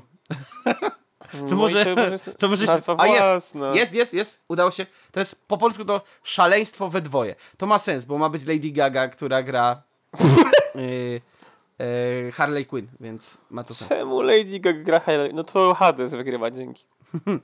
E, Kocham Lady Gagę, ale jak śpiewa piosenki, a nie gra Harley Quinn. Ale nie, ona chyba zasłynęła już trochę jako dobra aktorka. Szczególnie mm, co grała w tym, na, w Narodzinach Gwiazdy. To chyba miała nominację do No. Oscara nawet. No, w sumie widziałem Narodziny Gwiazdy, ale e, ale jakby no to jest trochę, wiesz inna sprawa. No z, Joak z Joaquinem, tak? Joaquin to jest Phoenix, o ile dobrze pamiętam. To może tak, tak, tak, Hakim, całkiem, No. E, całkiem fajnie wyjść, szczerze mówiąc. A to nie jest przypadkiem, że Lady to, o czym było? Ja oglądałem, teraz pamiętam. Narodziny Gwiazdy jest o niej samej, nie? No, No to jak grasz samą siebie, to jest co innego niż jak grasz Harley Quinn. W sensie, oglądałem Star is Born i Ale to szczerze było mówiąc, spoko. e, E, bo, Podobało mi się i super piosenka, ale kocham ją śpiewać. No ale grała samą siebie w filmie o sobie, więc to jest Powiem trochę tak. inaczej. A czy wiesz, e, szcz- szczególnie, myślę, że, że łatw... ta jest- pani, jakkolwiek się nazywa, bo nie mam pojęcia, to myślę, że ona całe życie gra Lady Gaga, więc ja myślę, że może być bardzo dobrą aktorką. No dobrze, tylko że wiesz, jak już przeżywasz jakieś tam swoje wewnętrzne, życiowe rzeczy i tylko musisz teraz je odegrać na tym, to jakby najprościej ci będzie. Nie ma lepszej drugiej osoby, która odegra te rzeczy niż ty, nie? O, z tym bym się nie zgodził. Mi się wydaje, że czasami e, w takich tych to aktor zagrałby lepiej niż osoba, która gra siebie, szczerze mówiąc. Ale nie o tym teraz rozmawiamy. Rozmawiamy No, o tym, nie czy bardziej bym chciał Hades. zobaczyć e, Jokera, czy zagrać w Hadesa. I szczerze mówiąc, Za- e, tak jak mówię, Hadesa. no, Hades 2, no to jest oczywiście sequel mm, jednej z gry roku z 2020 albo 19? E, nie wiem, któregoś z tych. E, Em, roguelike, bardzo rozbudowany, bardzo ładny. Studia, którego, w którego grałem chyba w każdą grę i mi się zazwyczaj podobało. No ale tak jak już opowiadałem kilka razy, ja nie jestem człowiekiem, którego roguelike'i wciągają mocno, więc no zagrałem tak, żeby zobaczyć. Ale szczerze mówiąc, na dwójkę jakoś mega nie czekam. A tego Jokera, szczególnie, że właśnie Lady Gaga gra Harley Quinn, to chciałbym zobaczyć. no, ja też bym chciał zobaczyć może na siłę, ale w Hadesa chciałbym zobaczyć, co zrobią jeszcze więcej w Hadesie 2, nie? bo jakby musi być więcej. Więc Hmm. to jest dla mnie ciekawe, że Hades 2 będzie, no, musi być większy niż Hades 1. No Hades jest super grą, jakby jest świetną, więc ja jestem po prostu ciekawy, żeby w nią zagrać. Jakby nie mogę się doczekać, żeby chociażby nawet spróbować przez chwilę zagrać w Hades. Dla mnie jest ciekawe, że to studio w ogóle się bierze za dwójkę, tak? Bo oni chyba nie pozbyli się praw, więc to oni robią. Oni zazwyczaj każdą kolejną grę robili zupełnie inną. Nie wiem, czy... Nie pamiętam, jak to studio się nazywa, musiałbym teraz wyszukać. Super Giant ga e. Games. No to Super Giant Games. No to oni słynęli z tego, że każda kolejna gra była inna, tak? Wszystko chyba zaczęło się od Bastionu, jak się nie mylę, tak? No to Bastion, Bastion, a Transistor, Transistor. A Pyre. To są zupełnie, zupełnie różne gry. No ale Hades mi siadł najbardziej, no dlatego poszli w to, nie? Z- Najlepsze Mhm. No to- to... są różne gry, a podobają, wyglądają identycznie, nie? Nie, one graficznie też się różnią. No trochę, ale bazowo są podobne. No jakby... Nie będę tego komentował, ale okej. No, trochę są, no, nie powiesz, że nie. Widać, że to jest Nie, nie, no to nie, chodzi mi o to, że jakby się uparł, to wszystko jest do wszystkiego podobne, ale e, No to wiadomo, wracając. że się różnią, no to whatever. Ja bym ja bardziej czekał na Hadesa niż na um, że tę e, tam. Szczerze mówiąc tak, ja tutaj, szczerze mówiąc, tak, podwójnie, szczerze mówiąc, no. E, ten Jokerek mnie tutaj e, pociąga, ależ Hades 2 brzmi też jako jakaś opcja. Zróbmy tak, że w ramach, prawda, tego, że tam trochę się zgadzam i tutaj się trochę zgadzam, to y, za dwa twoje przepchnięcia dostaję monetę jedną. Sobie to jest promocja. Dwa jest przepchnięcia w cenie jednego. No i nie zależy, przypowiedz co chcesz. Dobra, dobra. Idziemy dalej. O, to jest dla mnie ciężkie. Dla ciebie pewnie bez różnicy, dla mnie ciężkie. Czyli Gothic Remake versus Vampire the Masquerade Bloodlines 2. No, Vampire The Masquerade Bloodlines 2. No i dla mnie to jest ciężki wybór, bo tak, Bloodlines jedynkę grałem i był mega, ale z patchami od graczy, bo bez tego nie da się grać w tą grę. I z Jakby- Bloodlinem 2 też są problemy, słyszałem. W ogóle nie wiadomo, czy ta gra wyjdzie serio w 2024, bo studio się zupełnie zmieniło. Dali y, to zupełnie innemu studiu do produkcji. Tam są podobno jakieś problemy z produkcją. Te trailery, które wychodzą, też są takie trochę podejrzane. Więc ja się szczerze mówiąc trochę boję tej gry. Natomiast Gothic Remake, który grałem w demo, zapadał się ciekawie. Więc jeżeli oni przenieśli fabułę i pozbyli się drewno mechaniki, to wow, ja chcę w to zagrać.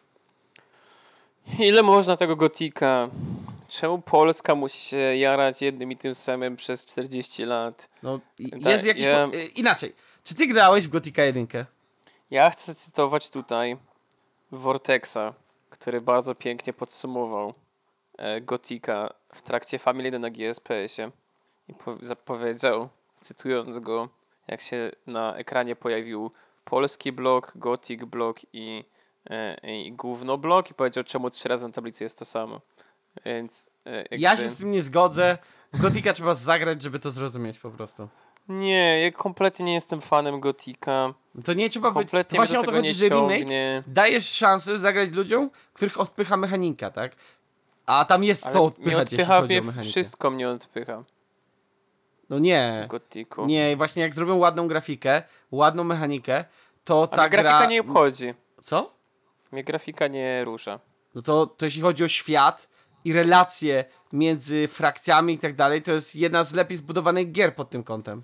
Rozumiem, mnie po prostu takie gry nie, jakby, to jest to, co, ja nie potrafię w takie gry grać, mnie, ja odrzucałem te gry, bo one są duże, się dużo dzieje i trzeba chodzić, jakby dlatego Skyrima nigdy nie skończyłem i tak dalej, mnie takie rozszerzone RPG, dlatego też Witchera nigdy nie dotykałem, bo jakby 3 Wiedźmin 3 najlepszy, no ale mimo wszystko no, nie mogłem do tego po prostu podejść, więc mnie Gothic personalnie odrzuca, ale jakby jestem w stanie się oddać do tego, mi bardziej jakby Vampire Masquerade mi się podobało, i chciałbym zobaczyć dwójeczkę i, i zobaczyć, szczególnie, że RPG też kiedyś bym chciał zagrać tego oryginalnego, czyli papierowego, więc wolałbym zagrać wam, Vampira Maskaradę. Ale nie mówimy o co wolałbyś zagrać, tylko na co bardziej czekasz, ale okej, rozumiem. Znaczy, że no, w tym przypadku są dwie gry, dlatego powiedziałem, No, że wiesz. Nie no, jakby- to ja mówię o tym, że pewnie dałbym Vampire, bo jedynka mi się mega podobała, ale po tym wszystkim, co słyszałem o tej grze, co się z nią działo i tak dalej, to szczerze mówiąc mi spadł ten hype, jeżeli tam jakiś był.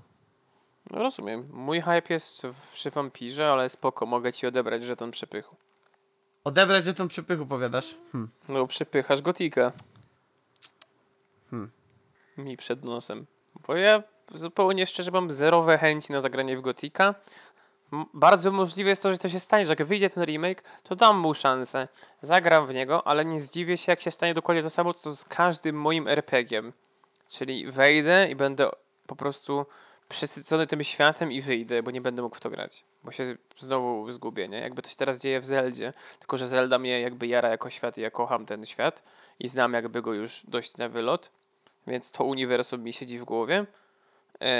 I akurat Zelda ma takie specyficzne miejsce, że tam mogę biegać w tym świecie i mi to nie przeszkadza, że się teraz gubię przez 15 tysięcy e, godzin po prostu bez powodu. A w Gotiku bym się tak gubił, ja będę takie, kurde, no nie chce mi się, nie? No tak jak mówię, gdyby nie to, co słyszałem o tych wszystkich problemach, też widziałem te pierwsze gameplaye i tak dalej, no to trochę się boję tego Bloodlinesa dwójki też. No rozumiem, no jeżeli masz ochotę, możesz przecież użyć swojego żetonu i przepchać Gotika, proszę. Mogę, mogę, mógłbym to zrobić. Ale jeżeli Bloodlines się uda, to wtedy na pewno Bloodlinesa. Więc No, coś się, że ten żeton mi się sprzyda później, więc niech będzie, niech będzie. kiedy gramy strategiczne, jakby najbardziej gra na, roku, na którą czekam, cotygodniowy ring popkulturowy, gdzie to jest największa strategia Pushina po prostu, który on e, rozporządza swoimi żetonami przepychu, jakby nie wiadomo od niego tego życia mu zależało. O, dobra. I teraz jest ciężkie znowu dla mnie. Zobaczymy, czy ciężkie będzie dla Kuboksa, bo obstałem, że obie z tych rzeczy ich go nie interesują, ale się okaże. Słuchaj, Gladiator 2 Okej. versus Star Wars Outlaws. O kurde, no to miałeś rację. E, to jest Star Wars Outlast? Nie. Outlaws, tak to się czyta. A, Outlast, okej. Że poza prawem? To Przy- chyba o to chodzi. Nie wiem, bo nie widzę, jak to przeczytałeś, więc już nawet nie chcę zgadywać, bo ja chyba ci nie zrozumiałem do końca. No wyjęty Em. spod prawa to jest po, po, po, po polsku. Outlaws. No, No, no to to też- Outlaws. Okej, no źle powiedziałeś, dobra, nieważne. E, Outlaws, okej, jakby No tak powiedziałem. Gladiator, Mm, tak. bo Gladiator 1 ko- jest super, ale nie wiem w co Gladiator pójdą w 1 jest dwójkę, super. patrząc jak się jedynka skończyła. Natomiast jak ja zobaczyłem pierwszy raz trailer Star Warsa e, i to jeszcze po tym jak wyszedł e, ten mm, e, Skyrim w kosmosie. Poproszę szybko podpowiedź, dzisiaj już o tym było. Eee, Wypadł mi z głowy nazwa po prostu. Rozmawialiśmy dzisiaj już o tym, e, że no... Starfield. Starfield, tak. I Starfield, ja byłem tak, tak czekałem na Starfielda.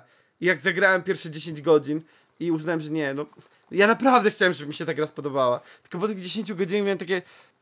Wciąż siedzi na dysku, to 100 giga, nie? Że ja do tego wrócę, ale nie widzę tego za bardzo.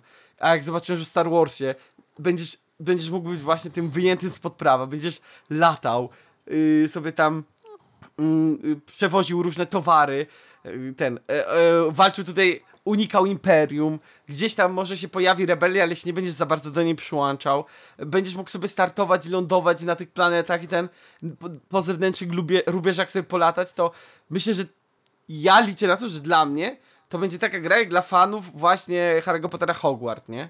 Że sobie mogą pochodzić po tym Hogwarcie i porobić rzeczy i jest wow, nie? Jestem mega tym zajarany. Więc Ja nie lubię Star Warsów. no to wiem, więc jeżeli gdzieś mam zużyć żeton, to po to, żeby Star Ale- Warsy nie były na samym Ale końcu. t- to rozumiem, to jakby... To ja tylko informuję widzów. Słuchaczy. ja wiem. Wizjonerów. Ja to nie, no, podkreślam. Gladiator 2, no, Gladiator 2. E, dobrze, to idziemy dalej. I tutaj, proszę Państwa, mamy Co Mad kliknąłeś, Max. powiedz, bo nie było to jasne. Co? Kliknąłeś Star Warsy. Tak, tak jak powiedziałem, zużywam żeton przepychu i jazda, no. Okej. E, wracając. Mamy Mad Maxa Furiozę, czyli no, kolejną część Mad Maxa versus Final Fantasy VII e, Rebirth. Czy Rebirth? Tak. To jest? Rebirth, nie? Rebirth. Rebirth nawet, okej. Em, no to Final Fantasy VII Rebirth. Może się wreszcie wezmę za to, że bo chyba siódemka jest najlepsza do zaczęcia w ogóle swojej historii. Tak, Z, e, Tylko problem tu jest taki, że to jest, z tego co rozumiem, co ostatnio słyszałem, to jest jakby druga część siódemki. Że to jest kontynuacja z Final Fantasy VII Remake. Aha. Właśnie zaraz to sobie O. sprawdzę, bo też byłem mega tym zajarany, bo Jest wszyscy telefon- są tym zajarani. Telefon do przyjaciela. E, ale właśnie coś takiego słyszałem, że to po pierwsze w ogóle, że już w remake'u zmienili fabułę w stosunku do oryginału. A, Y, Już tutaj patrzymy sobie. Final Fantasy to stanowiący, tak, stanowiący drugą część trylogii remake'ów Final Fantasy VII. czemu Final Fantasy VII Rebirth ma na grach online rating 5.1 na 10 już?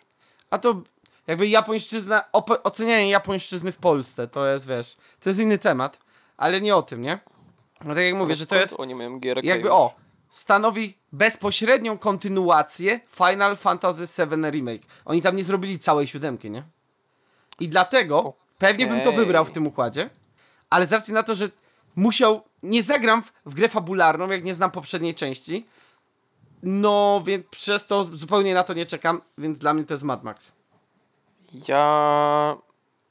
Ja Final Fantasy VII Rebirth, bo jakby jak wyjdzie, to może się z, zachęcę, żeby zagrać Final Fantasy VII i wtedy, żeby zagrać Final Fantasy VII Rebirth. Ile to kosztuje? 339 zł na PlayStation? Ja. Daj tego Mad Maxa, chłopie, daj tego Mad Maxa. Ale przecież każdy kolejny Mad Max był coraz gorszy. Nie, co ty gadasz? Najnowszy Mad Max na drodze gniewu to jest złoto.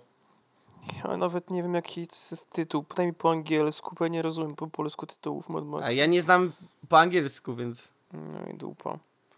E, japońszczyzna lepsze. Kiedy to Final ostatnio grałeś Fantasy. jakiegoś JRPG-a, mordo? Ja? E, Tak. no właśnie. Ja mam w planach w 2024 zapoznać się wreszcie z serią Final Fantasy. To jest jedno z moich e, założeń tego roku, żeby wreszcie się wkręcić w, Final Fantasy Dobra. i nie wiem czy Dobra, czy możemy robię- zrobić tak. Jak powiesz, że przejdziesz Final Fantasy, to możemy to przepchnąć. 7. Ale nie wiem czy 7 mam przejść. Właśnie mu- muszę wejść w dyskusję z ludźmi, którzy e, znają się na finalach, bo ja nie wiem w co ja mam zagrać Dobra, jako pierwszy. Jednego finala. Przejdę finala, roku. tak. Tak, przejdę finala w tym roku. Jednego finala w tym roku. Przejdziesz. Tak, i prze- przejdę finala w tym roku i ocenię, bo to będzie. Bo jakby ja zawsze To się byłem pojawi ciekawy na o co. Geekvizji. Tak. Tak. No dobrze. No jak, jak Słyszeliście przejdę, no deklarację. ten. I słysząc to, skoro, chodzi- bo, bo ja w to nie wierzę. Ja nie wierzę w to, że on zahypowany tą grą przejdzie tam ten remake czy jakiegokolwiek innego. Nie ma szans moim zdaniem. Ale Bo okej, ja chcę się. Bo ja zawsze się... byłem. Ja byłem bardzo ciekawy zawsze, czemu te finale są takie popularne i czemu się tym ludzie takie grają. I ja nigdy nie wiedziałem od czego zacząć, bo ta seria ma po prostu 16 gier, e, które są od NES-a aż po PS5 i nie wiadomo o co chodzi. I ja nigdy nie wiedziałem, gdzie mam się zacząć. Teraz jest jakieś MMO i nigdy jakoś, zawsze mi bokiem to przechodziło. I stwierdziłem, Wiesz, że to są różne tym roku. historie, nie? Najczęściej. Nie wiem, bo nigdy się w to, To nie wkręciłem i byłem okej, ciekawy on właśnie o co chodzi. deklarację. Przejdę ja finala. po, e, polecę Mad Maxa. Myślę, znaczy na tą Furiozą ludzie narzekali, tak jak mówię, ale z tych dwóch gier, no to z racji na to, że remake już jest na X pasie i też myślałem, żeby się za to zabrać, ale ja mam strasznie ciężkie przeprawy z JRPG-ami i nie mogę, Przejdę nie mogę finala. Ja przejdę. Nie musicie już przechodzić. Ja przejdę, żebyście wy już nie musieli, wam opowiem wszystko. Ja w ogóle nie wiem, czy Gdyby odcinek ten final nie wygrał Kubu... przypadkiem Games Award na właśnie najbardziej oczekiwaną grę? Co? Chyba? Nie pamiętam, Właśnie Nie wiem, ale... czy to on nie wygrał. ale Na pewno był. Zrobimy... Możemy zrobić specjalny odcinek, gdzie Kubox opowiada o, e, o finalu przez 3 godziny sam. To mnie wtedy nie będzie właśnie, to będzie odcinek specjalny. Odcinek specjalny, kiedy Puszyn jest chory i gra w Zeldę. O, właśnie, no, to jest dobry plan. E, ciekawe w sumie, no. Jest właśnie... No ja sprawdzę, może iść dalej, a ja... Bo jakby ładuje mi się stronę, więc to trwa. No dobrze. To wraca nam y, Big B, czyli Wielki Zły Wilk, czyli The Wolf Among Us versus The Traumaturg. Jeżeli nie wiecie, czym jest Traumaturg, to powinniście się zainteresować, gdyż jest to nowy twór 11-bit Studio i Full Theory. 11-bitów na pewno kojarzycie. Jeśli chodzi o Full Theory, to też polskie studio. Oni na przykład zrobili grę Seven. To jest taka gra, taki RPG fajny, gdzie taki trochę też skradankowy, ale niekoniecznie, gdzie jesteśmy właśnie w takim świecie hmm, ala cyberpunkowym?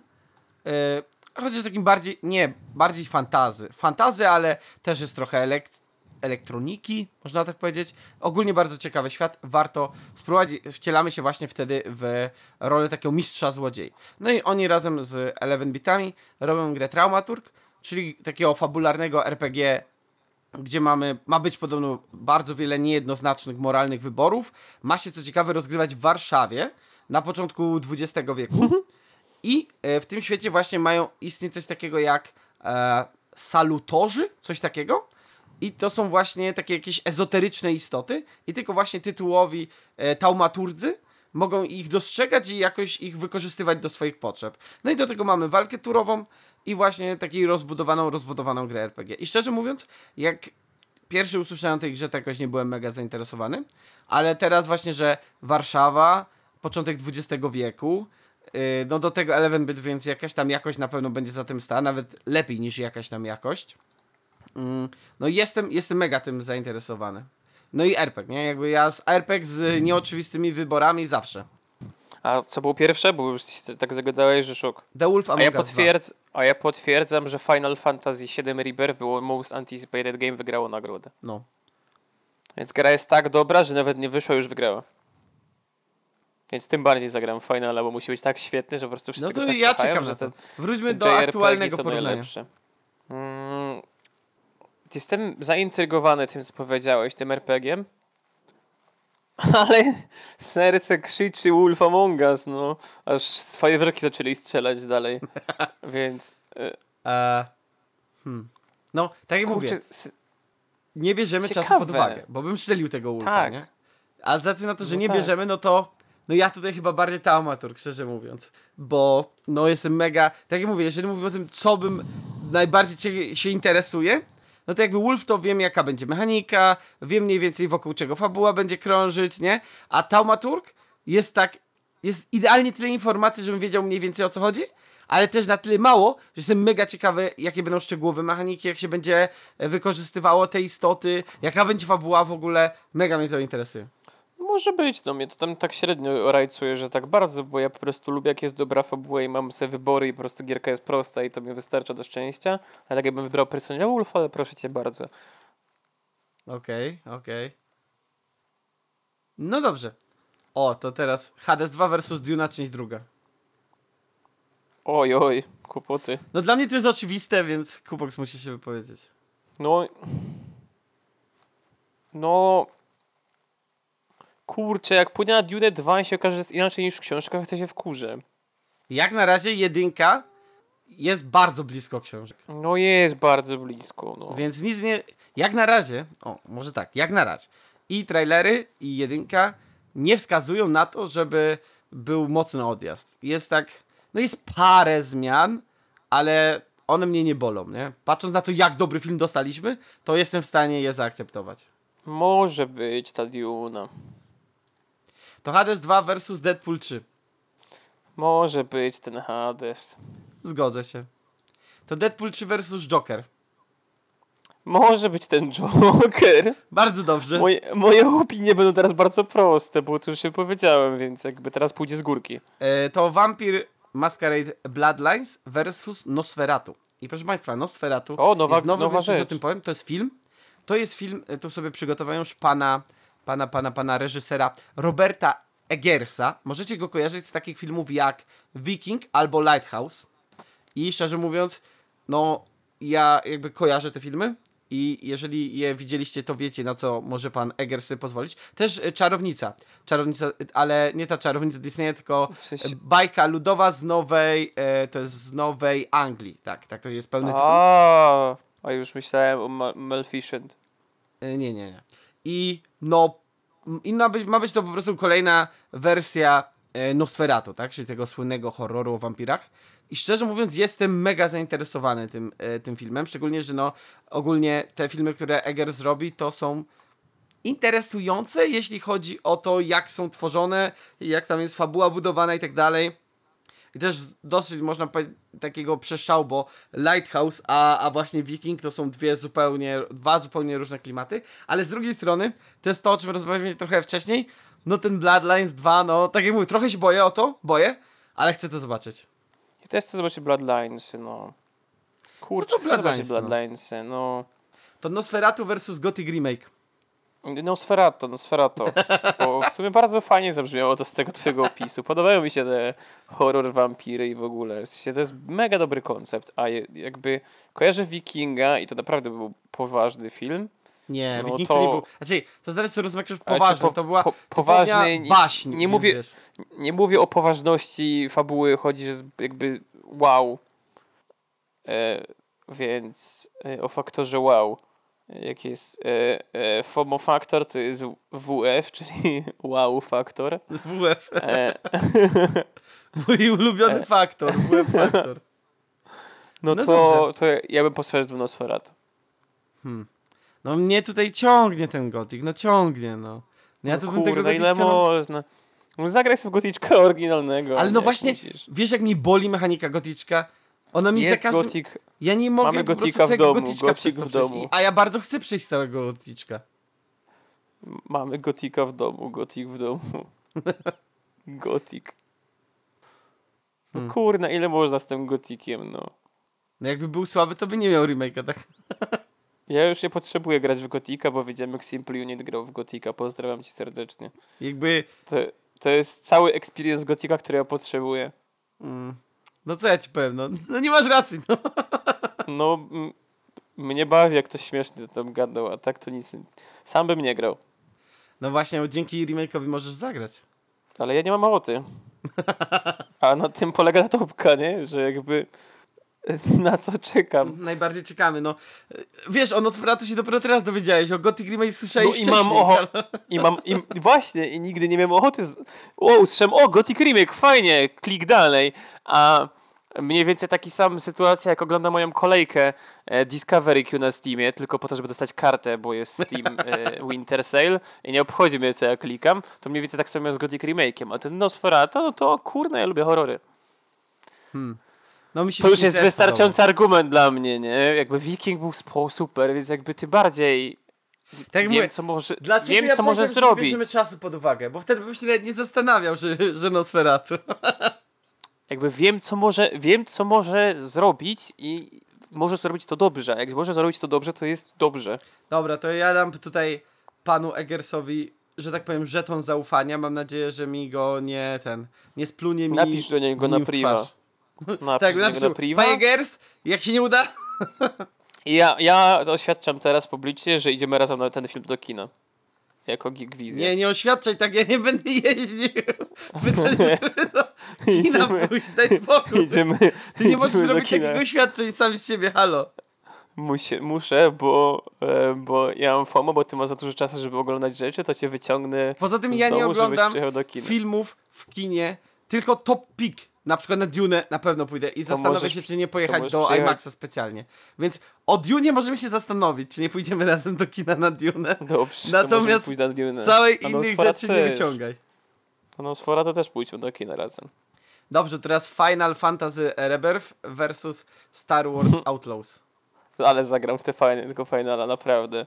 Zacznę grać finala w przyszłym miesiącu. O, dobra, dobra. To przykro mi. Teraz jakby tak dobrze być nie będzie. Ja Zagram finala w przyszłym tygodniu. Nie, nie, nie, nie, nie. Obiecuję. Ja mówisz, że nigdy nie dostajesz. Ja klikam w Star Wars Outlaws i masz, masz jeden żeton przepychu. O, super. Kocham dostawać że te przepychu, na których mi zupełnie nie zależy. Coś czuję taką dziwną dominację e, z punktu strategicznego, że daje mi się to, jakich nawet nie potrzebuję, nie mam na nie ochoty i mi je wciska No bo na wokół siłę. tego będziemy się kłócić w sam- nieskończoność.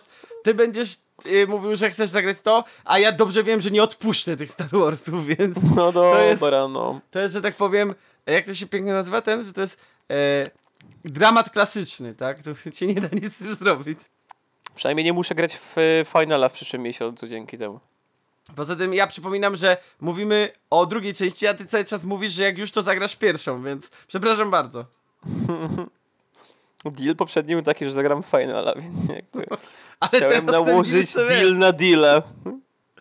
E, dobrze, to Final Fantasy. Było wiążące, to jest nagrane, macie dowody na mnie. E, to Final Fantasy versus Gladiator 2. No kurna, no. No i jak Gladiator 2, Zupełnie- no proste. Zupełnie szczerze, to naprawdę jestem bardziej chętny do zagrania w finala niż obejrzenia Gladiatora. Okej. No, tu się mogę do tego przypiąć, no jakby ja jestem ciekawy, co z tego wyjdzie, bardziej w tym, nie, że zagram, ale to w końcu jest, na co czekam, to czekam to nie znaczy, że może, to nie znaczy, że chodzi mi o to, że będę grał, jestem ciekawy, co z tego wyjdzie, więc No mogę ja się do tego, że- szczerze mówiąc, tak, przypiąć, no. nie będę o to walczył jakby, chociaż Gladiator 2, tak jak mówię, mnie interesuje, bo jestem ciekawy, jaka będzie fabuła, patrząc jak się jedynka skończyła. I na tym skończę już spoilery.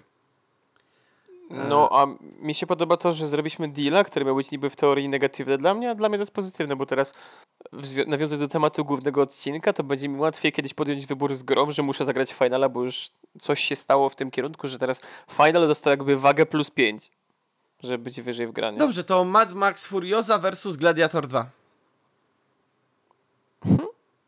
Gladiator 2. Może być, szczerze mówiąc. Jakby dla mnie oba te filmy są na podobnym poziomie zainteresowania, więc zgodzę się po prostu, żeby nie przedłużać. E, dobrze. To Duna część druga versus Tarmat- Taumaturg. Ale czemu oni wymyślają takie trudne tytuły? Ja nie wiem, to jest masakra, w sensie je, ta, jak to się ta, ta Po polsku to będzie Taumaturg, ale po angielsku to jest T-H-A-U-M-A-T-U-R-G-E. To, jest, to jest ten dźwięk, którego nie będzie pewnie słychać, jak go teraz zrobiłem. To jest Tharmat, no o Jezu, masakra. Okropne, taki tytuł się nie robi. Duna część druga. No i dziękuję, idziemy dalej. To Taumaturg versus Hades 2. No i ja tutaj po Polska górą, no. No tak, więc Hades, nie? Tylko, że nie. No Hades, Hades, Hades. No nie, no Taumaturg, no. No nie no, ja mam żeton. No to dobrze, jak zużywasz żeton, proszę bardzo. Hops. To Taumaturg versus Joker. O, to jest Joker. ciekawe. Joker? No kocham Batmana. Teraz. A zawsze kochałem, przepraszam, no to też są dowody, tak samo jak na to, że gram w finale, są na to dowody, jak powiedziałem, że jedynym moim bohaterem, którego lubię w ogóle, bo nie lubię superbohaterów i hejcę Marvela, to lubię, lubię Batmana. To jest fakt, który wiem od 6 To roku jest- życia. To jest fakt autentyczny, zgadza się. To e, jest fakt, który był u mnie w głowie od 6 roku życia. Znów, case czasu. Gdyby czas, to bym się nie zastanawiał. Ale No przestań mówić o tym czasie, nie możesz tak robić. Sam dałeś zasady i no to co gdyby. najczęściej tak, mówi. zaznaczam gdyby i później mówię, że to się nie liczy, więc mówię, że Taumaturg. Em, Joker. Hmm. Kurna, ale jestem ciekawy, co tam się stanie i się chcę No, zobaczyć. ja też patrzę na faktor ciekawości. Jakby Joker versus ten, to jakby jestem ciekawy tutaj tylu fabuły, mechanik, podejścia do questów versus Joker, gdzie mniej więcej wiem, w którą stronę ta historia się pewnie potoczy, chociaż tak jak mówię, ta ciekawość, wiesz, to obie te rzeczy mega chcę zobaczyć, nie? Tylko Ja mam powiedzieć, no co rozumiem. bardziej, nie?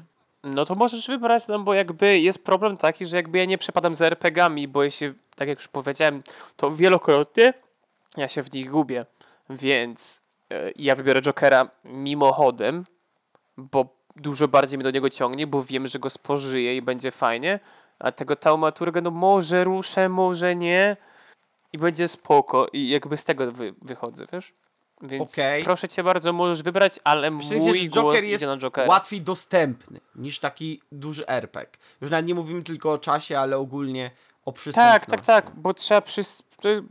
Mi po prostu, tak jak widzę to po samym sobie, że mi te RPG nie siadają, dlatego mnie właśnie do takich gotików, Witcherów i innych pierdółek nie ciągnęło, nie? No to jak chcesz przejść Final Fantasy, to jest właśnie RPG. Ale to jest JRPG. No to No, Taumaturg też ma walkę turową. ale podejmy próbę, no jakby. Ja byłem ciekawy Finala, bo Final ma gdzieś jakiś tam status światowy, że jest jakiś niesamowicie super świetny, zajebisty i mam ochotę podjąć tę próbę.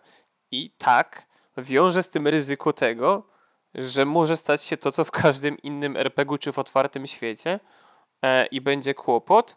Najbardziej to mnie po prostu przerażają speedruny Olsona, który speedrunuje Finala e, z usuwaniem cutscenek i, i one i tak trwają 4 godziny, e, więc jakby to mnie przeraża, ale z drugiej strony no jestem ciekawy tego świata i tak jak e, ja na przykład nie przepadam za MMO, ja bardzo nie lubię MMO, to World of Warcraft nie tak wsiąknął, że byłem szczęśliwy. I to jest to samo, co się z Zeldą. Zelda też jest RPG-iem i też moglibyście powiedzieć, że mi nie siądzie w ogóle, a Zelda Zelda nie wiem, czy tam bym RPG-iem nazwał, szczerze mówiąc. No RPG w takim... o- od, w takim otwartoświatowym sensie, że chodzisz, biegasz, możesz robić wszystko. To, No to okej. to jest. Ja, rozumiem o co chodzi, że to nie jest RPG w takim sensie, o którym ty rozumiesz. Ja e, podkreślam faktor, który mi personalnie nie siedzi. Dlaczego Skyrima nigdy nie skończyłem, dlaczego nie ruszyłem nigdy Wiedźmina, dlaczego Gothic mnie nigdy nie pociągnął do końca i te gry po prostu ja można było tyle robić, że nie mogłem, bo było za dużo i się potem gubiłem, potem się nudziło i odpadałem. Tak samo było w Skyrimie, zrobiłem wszystkie sidequesty, które mnie interesowały i się potem już nie chciało, bo już byłem przesycony grą. W Zeldzie tego nie mam. Tak samo z MMORPG, e, też miałem problem, nigdy żadne mi nie podchodziło, wszystkie mnie nudziły po sekundzie, a WoW mnie wciągnął na 3 lata. Więc jakby chcę podjąć próbę finala, bo z jakiegoś powodu jest taki popularny i tak znany, więc jestem ciekawy, co się tam stanie i podejmę próbę i postaram się skończyć chociaż jednego finala. I zobaczymy. Jakby ja w 100% jestem świadomy, że może się stać to co z innymi RPGami. Dobrze, w tym momencie Kubox po raz 30 powiedział, że spróbuje finala, uciekając od y, tutaj decyzji trudnej. Joker Nie, ja podjąłem decyzję. Tomato. Powiedziałem Joker, dlaczego? I jakby to z tego Dlaczego? wynikała ta dyskusja. No dobrze, bo no. Ja myślę, że, Taumaturg mnie nie interesuje. ja myślę, że ten- mogę się chyba do tego przychylić, szczerze mówiąc. Nie, nie wydaje mi się, że nie czuję się aż tak zobligowany, żeby tutaj ci żetony wypłacać, a z drugiej strony to jest Możesz ten wziąć moment... Jokera i wypłacić mi żeton. Co? Możesz wziąć Jokera i wypłacić mi żeton. A nie, tyle to nie. To, to idealnie pokazuje, że, y, że ten, ten aspekt ma tutaj, ma tutaj potencjał na jakieś głosowanie widowni, także hej, ten e, Geekvizję Live, stay tuned, no. Na żywo, jak zrobimy na konwencie. Nie wiem, czy na żywo, w sensie na żywo, ale nie wiem, czy na żywo, że tak powiem. O, Ale, ale to Dobrze. tak, jakby wszystko przed nami, wszystko przed nami. I wtedy nie będziemy musieli się kłócić, po prostu odpalimy głosowanie na czacie na Twitchu tak. i ludzie zadecydują. Wtedy to będzie wasz wybór. No dobrze, ale myślę, że niech, niech będzie ten Joker, no. Jakby słyszeliście, jak wygląda ten. Kubek się tak bardzo postarał w argumentacji, że no, muszę go nagrodzić. Dzięki, dzięki. Ja się zawsze staram, ja zawsze daję 100% ze siebie. no, oczywiście, że tak. No to Taumaturg versus Deadpool 3. No i kurczę, no i to jest... Mógłbym powiedzieć, powtarzam to samo, co powiedziałem wcześniej. No nie, no nie rób mi mimo tego. Nie, ale nie robię ci tego. Poz, powiedz, powtórzę dokładnie to samo, co wcześniej. Musiałbym się powtórzyć to samo, co cofnijcie sobie podcast, ale mimochodem muszę wybrać Deadpoola, bo Deadpool jakąś interes, zainteresowanie moje wzbudza, gdyż widziałem Deadpoola 1 i 2 i jestem ciekawy, co zrobią w Deadpoolu 3, choć jestem przygotowany na to, że będzie to samo i, i po prostu będzie ok. Więc mój personalny pick to jest Deadpool, gdyż Taumaturg y, mnie mniejsze zainteresowanie i pozwalam tobie wybrać. No to ja wybiorę Taumaturga, bo jakby. No I to jest to samo, co powiedziałem poprzednim razem. Powiedziałem, że moim zdaniem Joker, ale wybierz sobie. Więc Ale no nie, bardzo. no to to wiesz.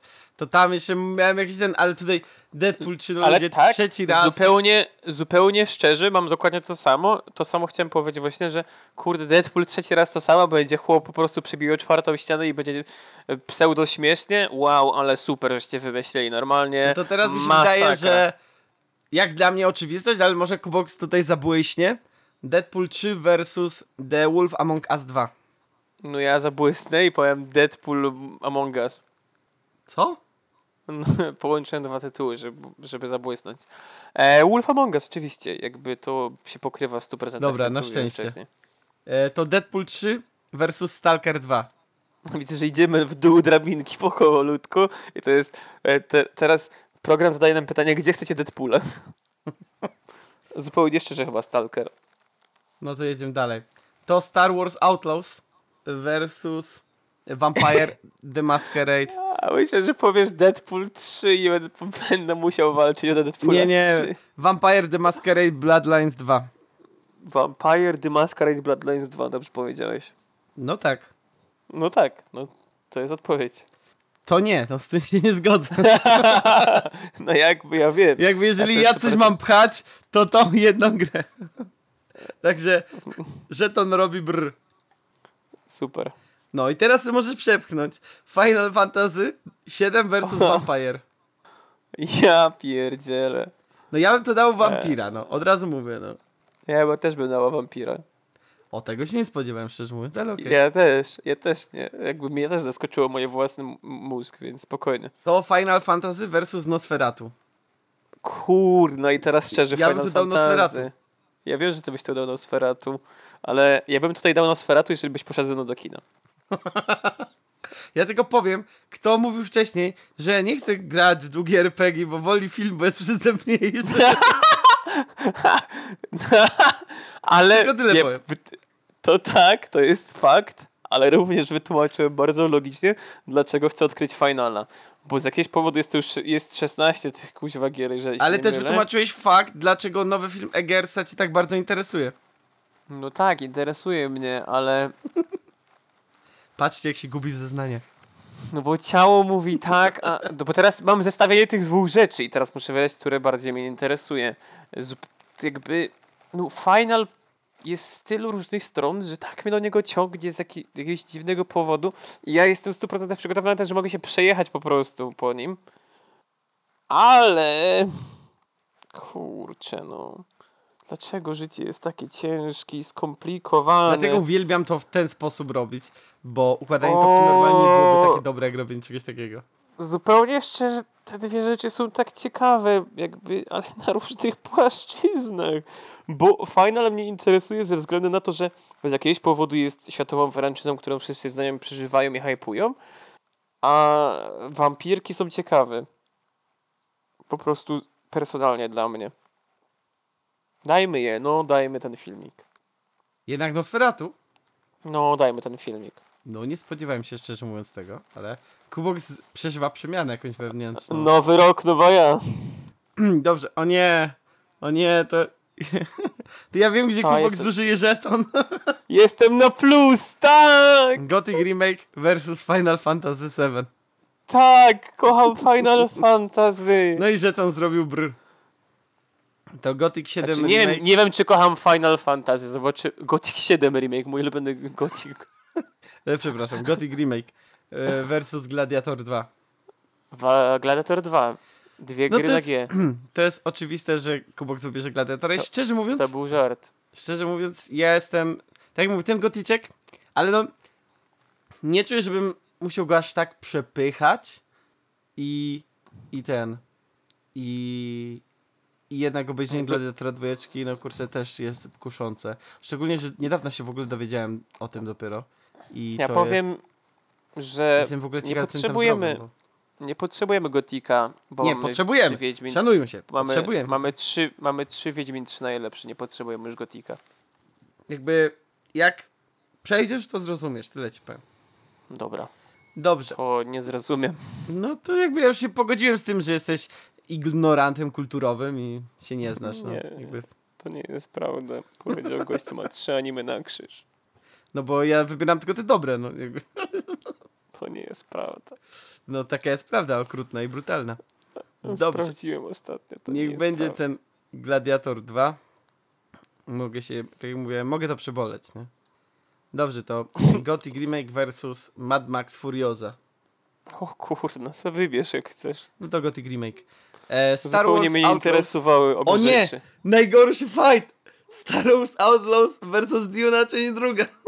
No, musiało się zostać. No musiało. No, Duna, część druga, no. No oczywiście, że Jak- Duna część druga. Przykro mi panie Star jak Wars. ale- kosmos, to tylko prawdziwy kosmos, a nie jakby... E, akurat Duna Jest- to też nie jest takie czyste e, sci-fi, w sensie... Mm, Powiem tyle, no, kocham narkotyki, dziękuję. Kto ma wiedzieć, ten wie. y, Także E, Kubox, e, nie, inaczej to powinieneś zrobić, że jesteś pseudonarkomanem. Kubox po prostu uwielbiał jak poniesie go melanż. Piękne. E, dla niewiedzących o co chodziło, to jakby całym motywem w Dune głównym jest to, że na Dune się produkuje melanż, czyli taki narkotyk. Albo przyprawę. Teraz chyba Przyprawa, bo jest spice melange. to. Tak. Nie wiem, To kto spice przetłumaczył na melanż, ale szanuję. Nie, to jest pełna nazwa, to jest spice melange. A, bo to dla... racja, racja, no. Po angielsku Pełna nazwa narkotyku to jest spice melange. Ale I wszyscy po angielsku mówią, że to jest lepiej. spice, a w polskiej książce jest zapisane wszędzie melange. I masz takie, co oni robią tym, na tym melanżu co chwilę? No i wtedy mówisz, że jesteś fanem melanżu, nie? No, ja jestem fanem melanżu. Kocham ale, ale melanż. nie, jednak Spice lepiej pasuje. I to jest śmieszne, bo w Gwiezdnych Wojnach też są narkotyki i też nazywa się je przyprawą. Na przykład Han Solo e, szmuglował przyprawę. Ale myślę, że to jest chyba incydent, żeby po prostu dzieci nie wiedziały, że to są narkotyki. Ja myślę, że to jest skopiowane z Duny, bo Gwiezdne Wojny bardzo dużo z Duny kopiują. Okej, fair. E, dobrze, no to Duna oczywiście. No to Star Wars Outlaws versus Hades 2, no. Ja tu ci No. chcę dać żeton. Kurna, nawet nie da się wypowiedzieć. No nie, mówię, że chcę ci dać. Nie przepchnąłem tego jeszcze, bo rozumiem, że też ci A. może zależeć. Nie, nie, nie chcę twojego żetonu. No tak właśnie myślałem. To mamy impas, proszę państwa. Mamy impas, koniec ten. Dobrze, także e, w tym nowym roku chcielibyśmy wam życzyć wszystkiego, wszystkiego geekowego. Em, no kurde, no proszę cię, te Star Warsy przecież będą takim fiaskiem jak Starfield twój. To teraz przechodzimy, to jest prawdziwy ring popkulturowy, czyli roastujemy e, tą lepszą rzecz drugiego, nie? Znaczy, wiesz co? E, Powiem ci tyle. Z racji na to, jak wyglądał Avatar TS od Yubi, który wyszedł, to jeżeli oni się tak samo zaopiekują tą franczyzą, to myślę, że to na tyle, na ile może dowieść, to dowiezie. I dlatego jeszcze bardziej się tym zahypowałem, bo ten Avatar na tyle, na ile wykorzystanie franczyzy i tak dalej, to się udał moim zdaniem. ale o czym teraz ty mówisz? O grze Avatar, która wyszła. Tam coś tam, coś Okej, o ale- Pandora. No dobra, ale co to ma rzeczy No teraz? bo to też Yubi robi. I nie wiem, czy nawet Tego nie, Star nie to Warsa. samo studio, ale... Co? Tego Star Warsa. Tego Star Warsa. No, no. Więc mówię, że jakby to mnie się podbudowało, że dobrze się zaopiekowali marką, zrobili Ubi Style grę, ale nie wiesz, nie rozwalili tego, nie? Więc to mi jakby podnosi no tą nadzieję, style że... gry są do śmietnika, no bo ile można grać w te asasyny w kółko i zbierać kwiatki. No właśnie, dlatego mówię, że czekam, bo ja bym nawet, wiesz, ja bym chciał zobaczyć właśnie grę Star Warsową w stylu, powiedzmy tam, Asasynów czy Far Cry'a, nie? Żeby był po prostu setting ten, nie? Lubię Far Cry. No to bardzo dobrze, cieszy mnie, to pasuje do...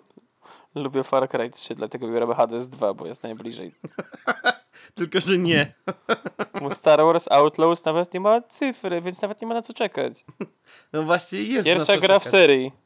Jest na co czekać, bo szczerze mówiąc, nie licząc właśnie Jedi Survivor, które wyszło na początku tego roku i tak sobie wyszło, ale mamy je oczywiście w planach do ogrania, to dawno nie było takiej dobrej gry Star Warsowej.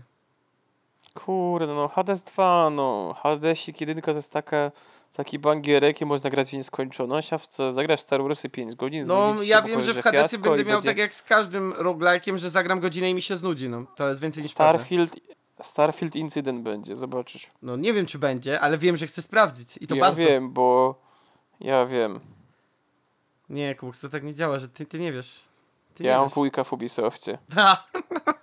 Nazywa I się powiedział- Ubibox. I powiedział, że ten, ten Star Wars to tak na siłę robią, bo oni nie umieją. I że ten, że Obi-Wan Kenobi będzie miał ukryte ostrze. O, to, to dobre by to było. Ukryte ostrze, świetlne. O kurna, to by było coś. Ja mam liki z Ubisoftu, że następny Assassin będzie w świecie Star Warsów. O, to też by było ciekawe, no. Że jesteś zabójcą sitów. No, to mogło być ciekawe. Ja pierdzielę, ja zatrudnicie mnie Ubisoft, błagam, jeżeli to słuchacie. Dobra, musimy, musimy dojść tutaj do jakiegoś kompromisu. Bo nam się trzecia godzina zbliża. To ja rzucam monetą. Myślę, że to uczciwy układ, ale ja chcę zobaczyć Powiedz, streama z chcesz. tego rzucania monetą. No dobra, powiedz co chcesz, a nie. No pokaż mi streama. No ale zaraz ci zrobię, szukam monetą. Po, wybierz co chcesz. Nie, ja się na bez- los zdaję, więc ty musisz wybrać. Nie, nie, nie, to ty wybierz, bo ty jesteś Star Warsem. Co? No bo ty masz moc. No to ja takiego. biorę główkę. Główkę biorę. Bierzesz heads, dobrze. No i proszę państwa, No, no. widziałem to, jakby komisja gier i zakładów stwierdziła, no.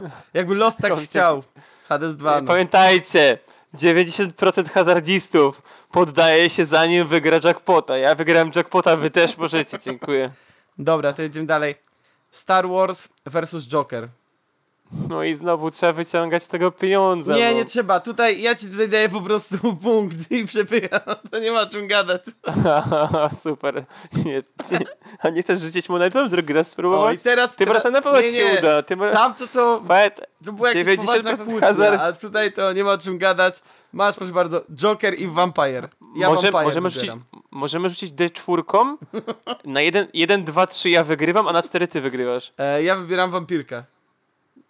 No dobra, wampirek, no. O, okej. Czekaj, co było drugie? Joker. Wampirek, wampirek, No tak, dobrze. dobrze, dobrze To powiedziałem. się Joker versus. Nosferatu. I tutaj, nie wiem, posłucham ciebie sędzią. No Sferato, bo mimo wszystko jednak wolę bardziej horror niż Batmana. Mm. Ja jestem rozdarty, bo jedno i drugie. Nosferatu. A czy obejrzę oba? Ja raczej też, ale niech będzie to, To jest Nosferatu. To deklaracja, Joker versus Final Fantasy. Masz szansę na zużycie żetonu? O! Final Fantasy, no. No No, no, no. Proszę bardzo, Masz- żeton robi A ile, brud. czekaj, poczekaj, a poczekaj, ile zostało porównań? Eee, nie wiem, czy da się to gdzieś sprawdzić. Eee, e, e. Do you really want... Nie, nie, nie chcę restartować. no nie, nie, to, to przepycham, trudno. Nie trudno. widzę. Jesteśmy gdzieś w jakichś 80-90%, patrząc po pasku postępu. A nie liczyłem, ile było, więc... To Joker versus Gladiator 2. Joker. Okej. Nie lubię, jak panowie się napierdzielają. Pewnie nie powiedziałbym tego z takim przekonaniem, ale myślę, że mogę się chyba do tego przy, przychylić, tak mi się wydaje. Ja jestem pewny siebie człowiek, tak? To nie bo jest prawda. oba te filmy brzmią ciekawie. To Gladiator 2 versus Taumaturg. No, ja Taumaturg oczywiście. Może być, no. To Gladiator 2 versus The Wolf Among Us 2. W, w, wilka, wilka, wilka, wilka. Zgodzę się z, wile, z Wileczkiem. To Gladiator 2 Wilczuś, versus wilczuś. Stalker 2. No, Stalker. No, no myślę, że tak. Musiałem pomyśleć, ale tak. To Gladiator 2 versus Deadpool 3. Gladiator. Gladiator, bo ile można nieśmiesznego robić w kółku? O nie! O nie! Deadpool o, stało 3 się. versus Gothic Remake. No nie, No, Deadpool Nie 3, rób no. nie. To jest śmieszne. nie rób Deadpool tego. 3 Zobacz, To nie, może być, zabawnych. to nie może być niżej niż Deadpool 3. Hopie, nie rób chociaż tyle. Miej cokolwiek łaski. Wiedźmin 3 najlepszy, więc Deadpool 3 też. 3 Wiedźmin 3. Jakby Mogę dać ci żeton i wezmę Deadpoola 3.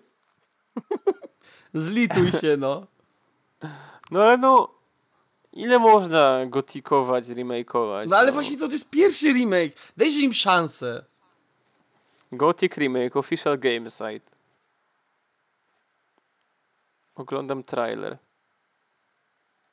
Przecież to nie wygląda jak Gothic nawet. Przecież wygląda to dobrze, żeby było No Gothiciem. właśnie. No to nie, no to tyle to nie, no to wiadomo, że Deadpool 3. Przecież Gothic musi wyglądać jak... No nie, właśnie może Jak- wyglądać dobrze, no. Nie, Gothic tak nie może wyglądać. Przecież to w ogóle nie wygląda jak Gothic. Słyszycie Jak to? go? Przecież Słyszycie, wszystkie memy z szkaluje Gothi- gotyczka? Ludzie, Wszystkie memy z. Gotikiem są takie piękne, jak Gotik jest brzydki. Przecież to wygląda jak jakiś kurde gra AAA z naszych czasów. No jakiś właśnie. Wiedźmin, jakby Wiedźmin 3 zobaczył 4K. Nie podoba mi się to. Musisz zrozumieć Gameplay demo potęgę 12 gotyczka. minut w 4K? Pogrzane to jest jakieś. Musisz zrozumieć Ciekawe, że oni to robią. no. Cóż A kiedy to ma wyjść? No w 2024, jak wszystko. O, to myślę, że jest dokładnie. A wiecie, kiedy. Kto, ta, dobra, powiem tak. Nie patrzysz na internet teraz. Podaj mi datę premiery Gotika i wtedy dostaniesz za darmo Gotika do wyżej. Ale jak miałbym ci podać Masz- datę premiery? No chłopie skąd? Data premiery masz. No ale. No, Gotika pierwszego.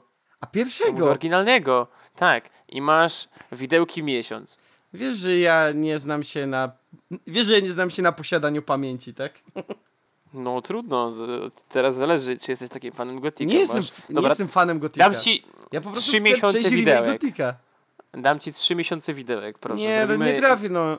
no. Ja nawet nie No pamiętam roku spróbuj dobrego, chociaż. szczerze mówiąc. In, interakcja, interakcja w gigwizjach. Jakby masz szansę przepchać Gotika za darmo. No ale nie, nie trafię, nie, powiem sobie, Masz że jakiś dziewiąty, Widełki 3 miesiące. y, dziewiąty, powiedzmy, dziewiąty kwiecień 2001. Brawo, udało ci się, bo pra prawidłowa data to jest 15 marca 2001, więc gratulacje, zmieściłeś się w widełkach. Dobra, nie wierzyłem w siebie bardzo. To jest, to, to jest bardzo fajna interakcja, podobało mi się, jestem możesz wziąć Gotika wyżej. No to Deadpool 3 versus Mad Max Furiosa. Deadpool 3. Czemu? No bo nie przepadam za Mad Maxem, nie lubię jeździć po pustyni autem. E, w sensie, nie chcę mi się już o to kłócić. Ja już chcę to skończyć, więc... No ale ja ci zrobiłem fajną ten, to też możesz sobie wymyślić na przykład, nie wiem, premiera Deadpoola czy coś takiego. Nie, po prostu mi się nie chce kłócić o to. to nie zależy Okej. mi na tym aż tak, no. Dobrze, dobrze. Cieszę się, że Gotik jest wyżej. No i skończyliśmy. Skończyliśmy. Top 3 jest bardzo piękne. Trochę bym zmienił, ale ogólnie jest bardzo piękne. Czyli Duna, dwójeczka, Hades 2 i Star Wars Outlaws. Później mamy Vampire the Masquerade Bloodlines 2, Nosferatu, Final Fantasy VII, Joker, Taumaturg, Wolf Among Us 2, Stalker 2, Gladiator 2, Gothic Remake, Deadpool 3 i Furiosa Mad Max. A w zasadzie Mad Max Furiosa. Piękne. Tak oto kształtuje Fajne. się Fajne. Fajne lista to było. 14 najbardziej oczekiwanych przed ludzi, ułożonych przez nas gier i filmów na ten rok. Fajne. Oczywiście Także będzie jak zawsze inaczej. w, e, w opisie i oczywiście jak zawsze możecie pisać, co wy byście umieścili na którym miejscu, albo co według was w ogóle powinno się tutaj pojawić, bo może czegoś nie ma, bo jakby nie patrzeć, to nie jest wszystko, co wyjdzie, bo tego wyjdzie ho, ho, ho, ho, ho, ho, ho. Nie ma ho. anime, bo dostało bana, trochę... bo byśmy się kłócili dłużej. tak, bo wtedy bym nie mógł Duny nawet przepchnąć, bo Kubox by zaczął opowiadać o jakichś pociągarach czy czymś takim. Obejrzyjcie pociągary, dobra anime. No dobrze, to czas już powoli kończyć, ale przed tym jak zawsze czas na nas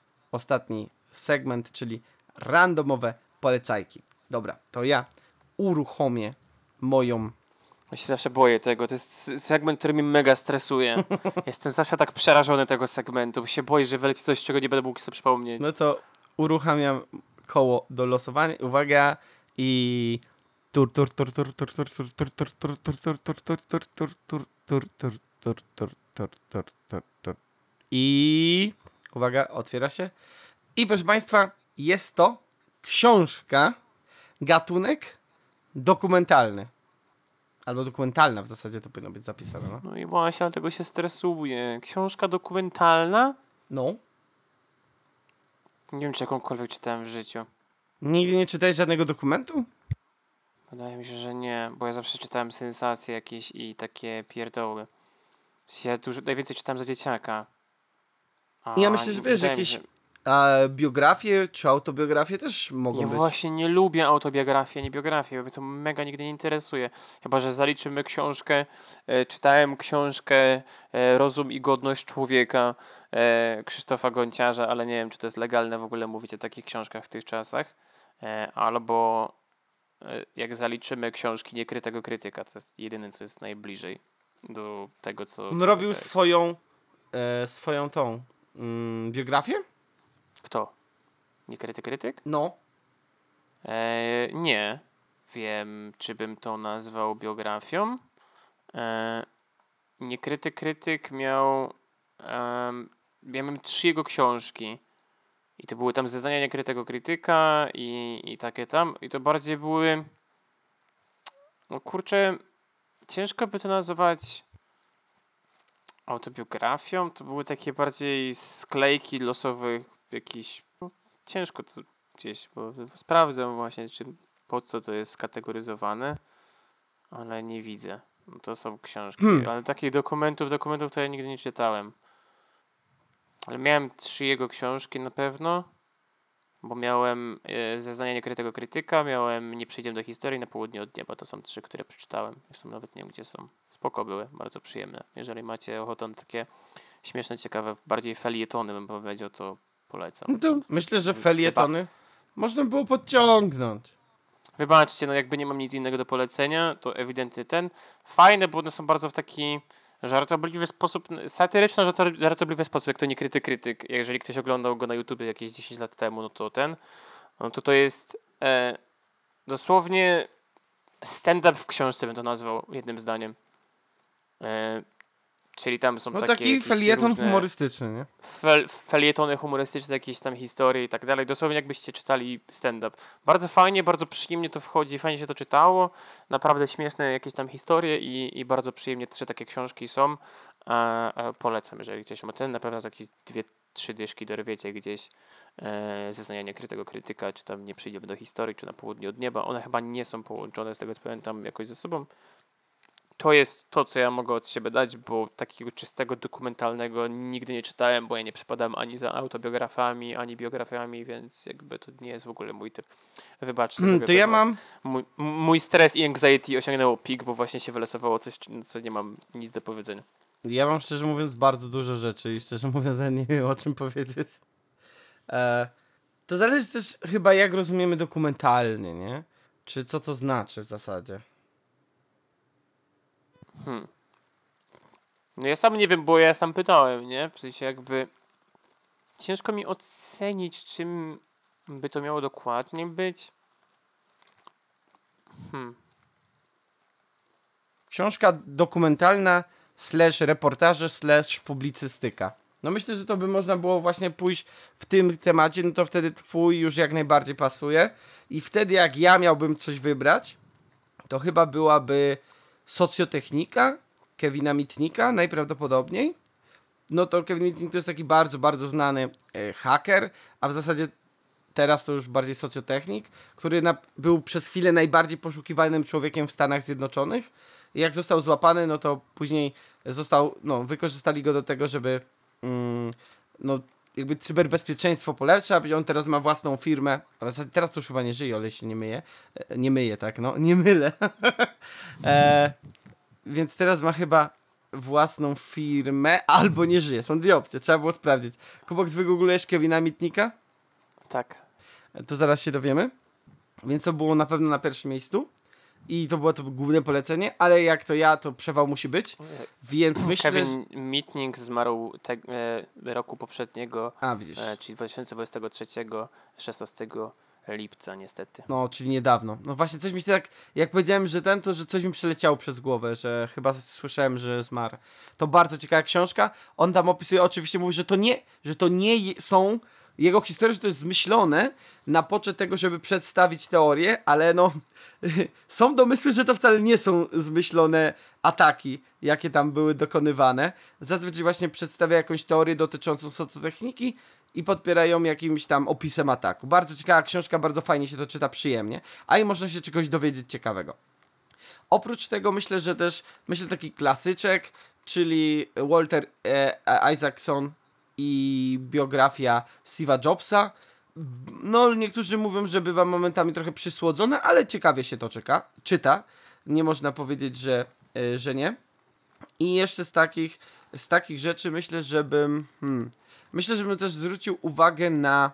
I tutaj się skupcie, e, zapisie to jest Might, Fy, Asterix, Asterix, czyli ta gwiazdeczka, e, CK. I to jest. I to jest książka. A, że przekleństwo. E, nie, taki jest tytuł dosłownie. Z tą no, gwiazdeczką. rozumiem. I to jest książka, która opowiada o tym, jak powstał w ogóle cały przekręt, o ile tak można to nazwać, o Cambridge Analytica. Czyli tym wszystkim, przez co Mark Zuckerberg musiał udawać, że jest człowiekiem i pić wodę. Jeżeli kojarzycie, jak go przesłuchiwali. Więc to jest o tym, jak właśnie zbierało się dane ludzi i wykorzystywało się je przeciwko nim, żeby odpowiednio ich targetować, e, reklamy odpowiednio wysyłać i jak niektórzy twierdzą, e, sfałszować, znaczy sfałszować, no, nagiąć trochę demokrację do, pod, nasz, e, pod nasze potrzeby, a w zasadzie pod potrzeby tych, którzy płacili za reklamę. Bardzo też ciekawa, ciekawa książka. I ostatnia książka, Możesz podać jeszcze raz tytuł, bo jakby nie znalazłem jej, jak szukałem. już ci mówię, to jest Mind. E, A, mind. Tak, Mind. Fy. Okej. Później y, Asterix, CK. Okay. się mindfuck. No, dokładnie. tylko CK. To jak powiesz mindfuck, to będzie łatwiej znaleźć ludziom, bo ja miałem teraz problem. Dosłownie przyliterowałem to, ale okej. A e, podtytuł to jest Cambridge Analytica, czyli jak popsuć demokrację. Całkiem ciekawa książka. Nie jest to jakiś tam nie, nie wiadomo jaki, jaki reportaż, ale fajnie się to czyta i pokazuje jak, co social media mogą, mogą nam robić, nie? Jak dosłownie hakują nam mózg czasami. To jest taka ciekawa książka, żeby sobie lekko przeczytać, nie? Czy lekko, z 500 Ale- stron, ale... ale My ogólnie- wam nie hakujemy mózgu, jakbyście się zastanawiali. nie, staramy się tego nie robić. Nie licząc Kuboksa czasami, ale ogólnie to nie. To nie... Halo! Jestem bullyingowany w social mediach przez Pushinero, pomóżcie. Nie znam człowieka. Nie znam człowieka. E, jeszcze chciałem właśnie powiedzieć o książce Utopia? Chyba tak się nazywało, ale musiałbym znaleźć, e, jak się dokładnie nazwał autor. Mm. A, nie krytyk, krytyk to Maciej Frączyk, jakbyście nie mogli znaleźć, ale wydaje mi się, że znajdziecie. Teraz nie mogę sobie. Nie chodzi mi oczywiście o utopię tą klasyczną, klasyczną pierwszą, czyli Tomasza Mura, e, tylko o inną utopię, ale teraz nie mogę znaleźć jej po okładce. Oj, no to to jest taka średnia polecaczanka, ale ogólnie to jest książka o tym, jak gościu uznał, że idealną społecznością będzie, jeżeli wrócimy do czasów, gdzie była jedna społeczność, która była samowystarczalna. O, mam, to się nazywa eksperyment utopia. Tak. Nie ma jakoś turbo dobrego czyn, ale kiedyś to w wakacje sobie tak złapałem, bo było gdzieś po promocji, postanowiłem przeczytać. I całkiem też ciekawa książka, właśnie gościu twierdzi, że jeżeli byśmy wrócili do tego, że y, jesteśmy samowystarczalni i żyjemy w zgodzie z naturą, to wszystko będzie fajnie.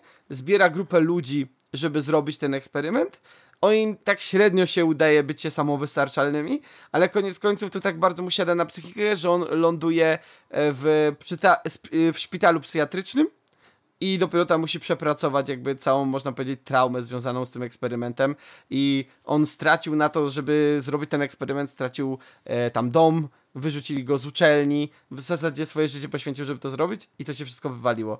Jest to bardzo ciekawa książka, momentami przybijająca, ale taka pokazująca, że jednak powiedzenie, no kiedyś to było, to nie zawsze się tak sprawdza, jakby nam się wydaje, że tak by się sprawdziło, nie?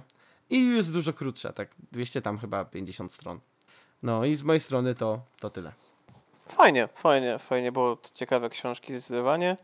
Wybaczcie, że was zawiodłem moimi polecajkami, ale nie moje typy książek. Słuchaj, ja czekam aż się wylosuje anime z tam lat 2020 plus, to wtedy ja nic nie powiem. No, jak się wylosuje anime 20, plus, to w sumie ty, ty nic nie powiesz, bo nic nie Nie, oglądałeś. powiem Edge Runners. Ed- Edge Runners powiem, polecę. Edge Runners powiesz, jak obejrzysz to, co ci polecił w poprzednim odcinku wreszcie, to też już coś powiesz. E, Jest to, jest to, jakby awatar się powoli kończy, jeszcze nie mówiłem wam o legendzie Kory, ale ten to będzie, będzie robione. No dobrze. Okej. No to proszę Państwa, mm, udało nam się po raz kolejny dotrzeć do końca odcinka. Powiedzcie, czy Wam się udało dotrzeć do końca odcinka, gdyż no te odcinki trochę już trwają, tak? Obstawiam, że większość z Was słucha tego na segmenty, ale nam to oczywiście nie przeszkadza. W zasadzie ten podcast mm, bardzo pasuje do słuchania w, w partach, prawda? No tak, bo my go segmentujemy specjalnie też, żebyście mogli się tym gdzieś podzielić. E, No a po to też nagrywamy dłużej tak naprawdę, że jak ktoś nie zje całego naraz, to ma na dłużej też na cały tydzień. Żeby, żebyście mogli jeść. To jest, robimy dla Waszego dobra. Kurczę, fajnie się do was gada, więc mam nadzieję, że fajnie wam się słucha. E, to jest teraz Emotional Kubux Minuta, nowy segment, ale ja lubię bardzo tutaj się spotykać z Pushinem, porozmawiać i mam nadzieję, że wam się dobrze słucha, jak sobie rozmawiamy i, i dyskutujemy na różne tematy, bo w, wydaje mi się, że zebraliśmy takie nawet spoko duo, bo mamy naturalne konflikty przez różność podejść i przez to tematy są ciekawsze. I na przykład ja się dowiaduję czegoś nowego, Pushin się dowiaduje czegoś nowego, mamy inne preferencje do tego, co oglądamy. Pushin mnie roastuje za to, co ja oglądam, ja szanuję to, co on ogląda i tak, taką mamy dynamikę. Jakby każdy to wie i prawda jest taka, że, pod, y, że Kubos, Kubox otworzył ten podcast tylko po to, żeby mnie zmusić do gadania z nim i nie ma gustu, ale to jakby wiesz, no. To właśnie potwierdził moje słowa w przeciągu 10 sekund i to nie jest prawda. Mój E. gust jest po prostu wyrafinowany nie dla każdego. Dokładnie. Nie martwcie się, każdy z nas ma swój wyrafinowany gust i każdy z nas ogląda te dobre rzeczy, a cała reszta się nie zna, także nie przejmujcie się. Ja się przejmuję. Także bawcie się dobrze. Dzisiaj dowiedzieliśmy się, jak robić tak, żeby wybierać dobre rzeczy, także wybierajcie dobre rzeczy. Dobre rzeczy dla siebie, nie dla innych, to jest istotne. także nie musicie mnie słuchać, macie. co nie zmienia faktu, że jeżeli mnie nie słuchacie, to znaczy, że nie macie gustu i się nie znacie. Ja go nie słucham przez całość długość tego podcastu, wy też nie musicie, nie przejmujcie się. Tak, nie przejmujcie się napiszcie- tym, e, róbcie to, co lubicie oczywiście. Później... e, Jeden like pod postem i wyrzucam Pushina z podcastu. E, e, tak, i w tym momencie właśnie kliknąłem lajka. E, Dobrze. E, Wybierajcie oczywiście rzeczy na nowy rok, żeby zadecydować, co wam się będzie podobać. Może to będzie Duna część druga, ale jeżeli to nie będzie Duna część druga, to pamiętajcie, że się nie znacie. I co, no jakby liczcie na to, że będziecie mieć rok i czas. I więcej w zasadzie nie potrzebujecie. Także nie jest przedłużając, agresywny. Ale on jest agresywny. także nie przedłużając, jest niedobry. po raz trzeci, do usłyszenia. Na razie.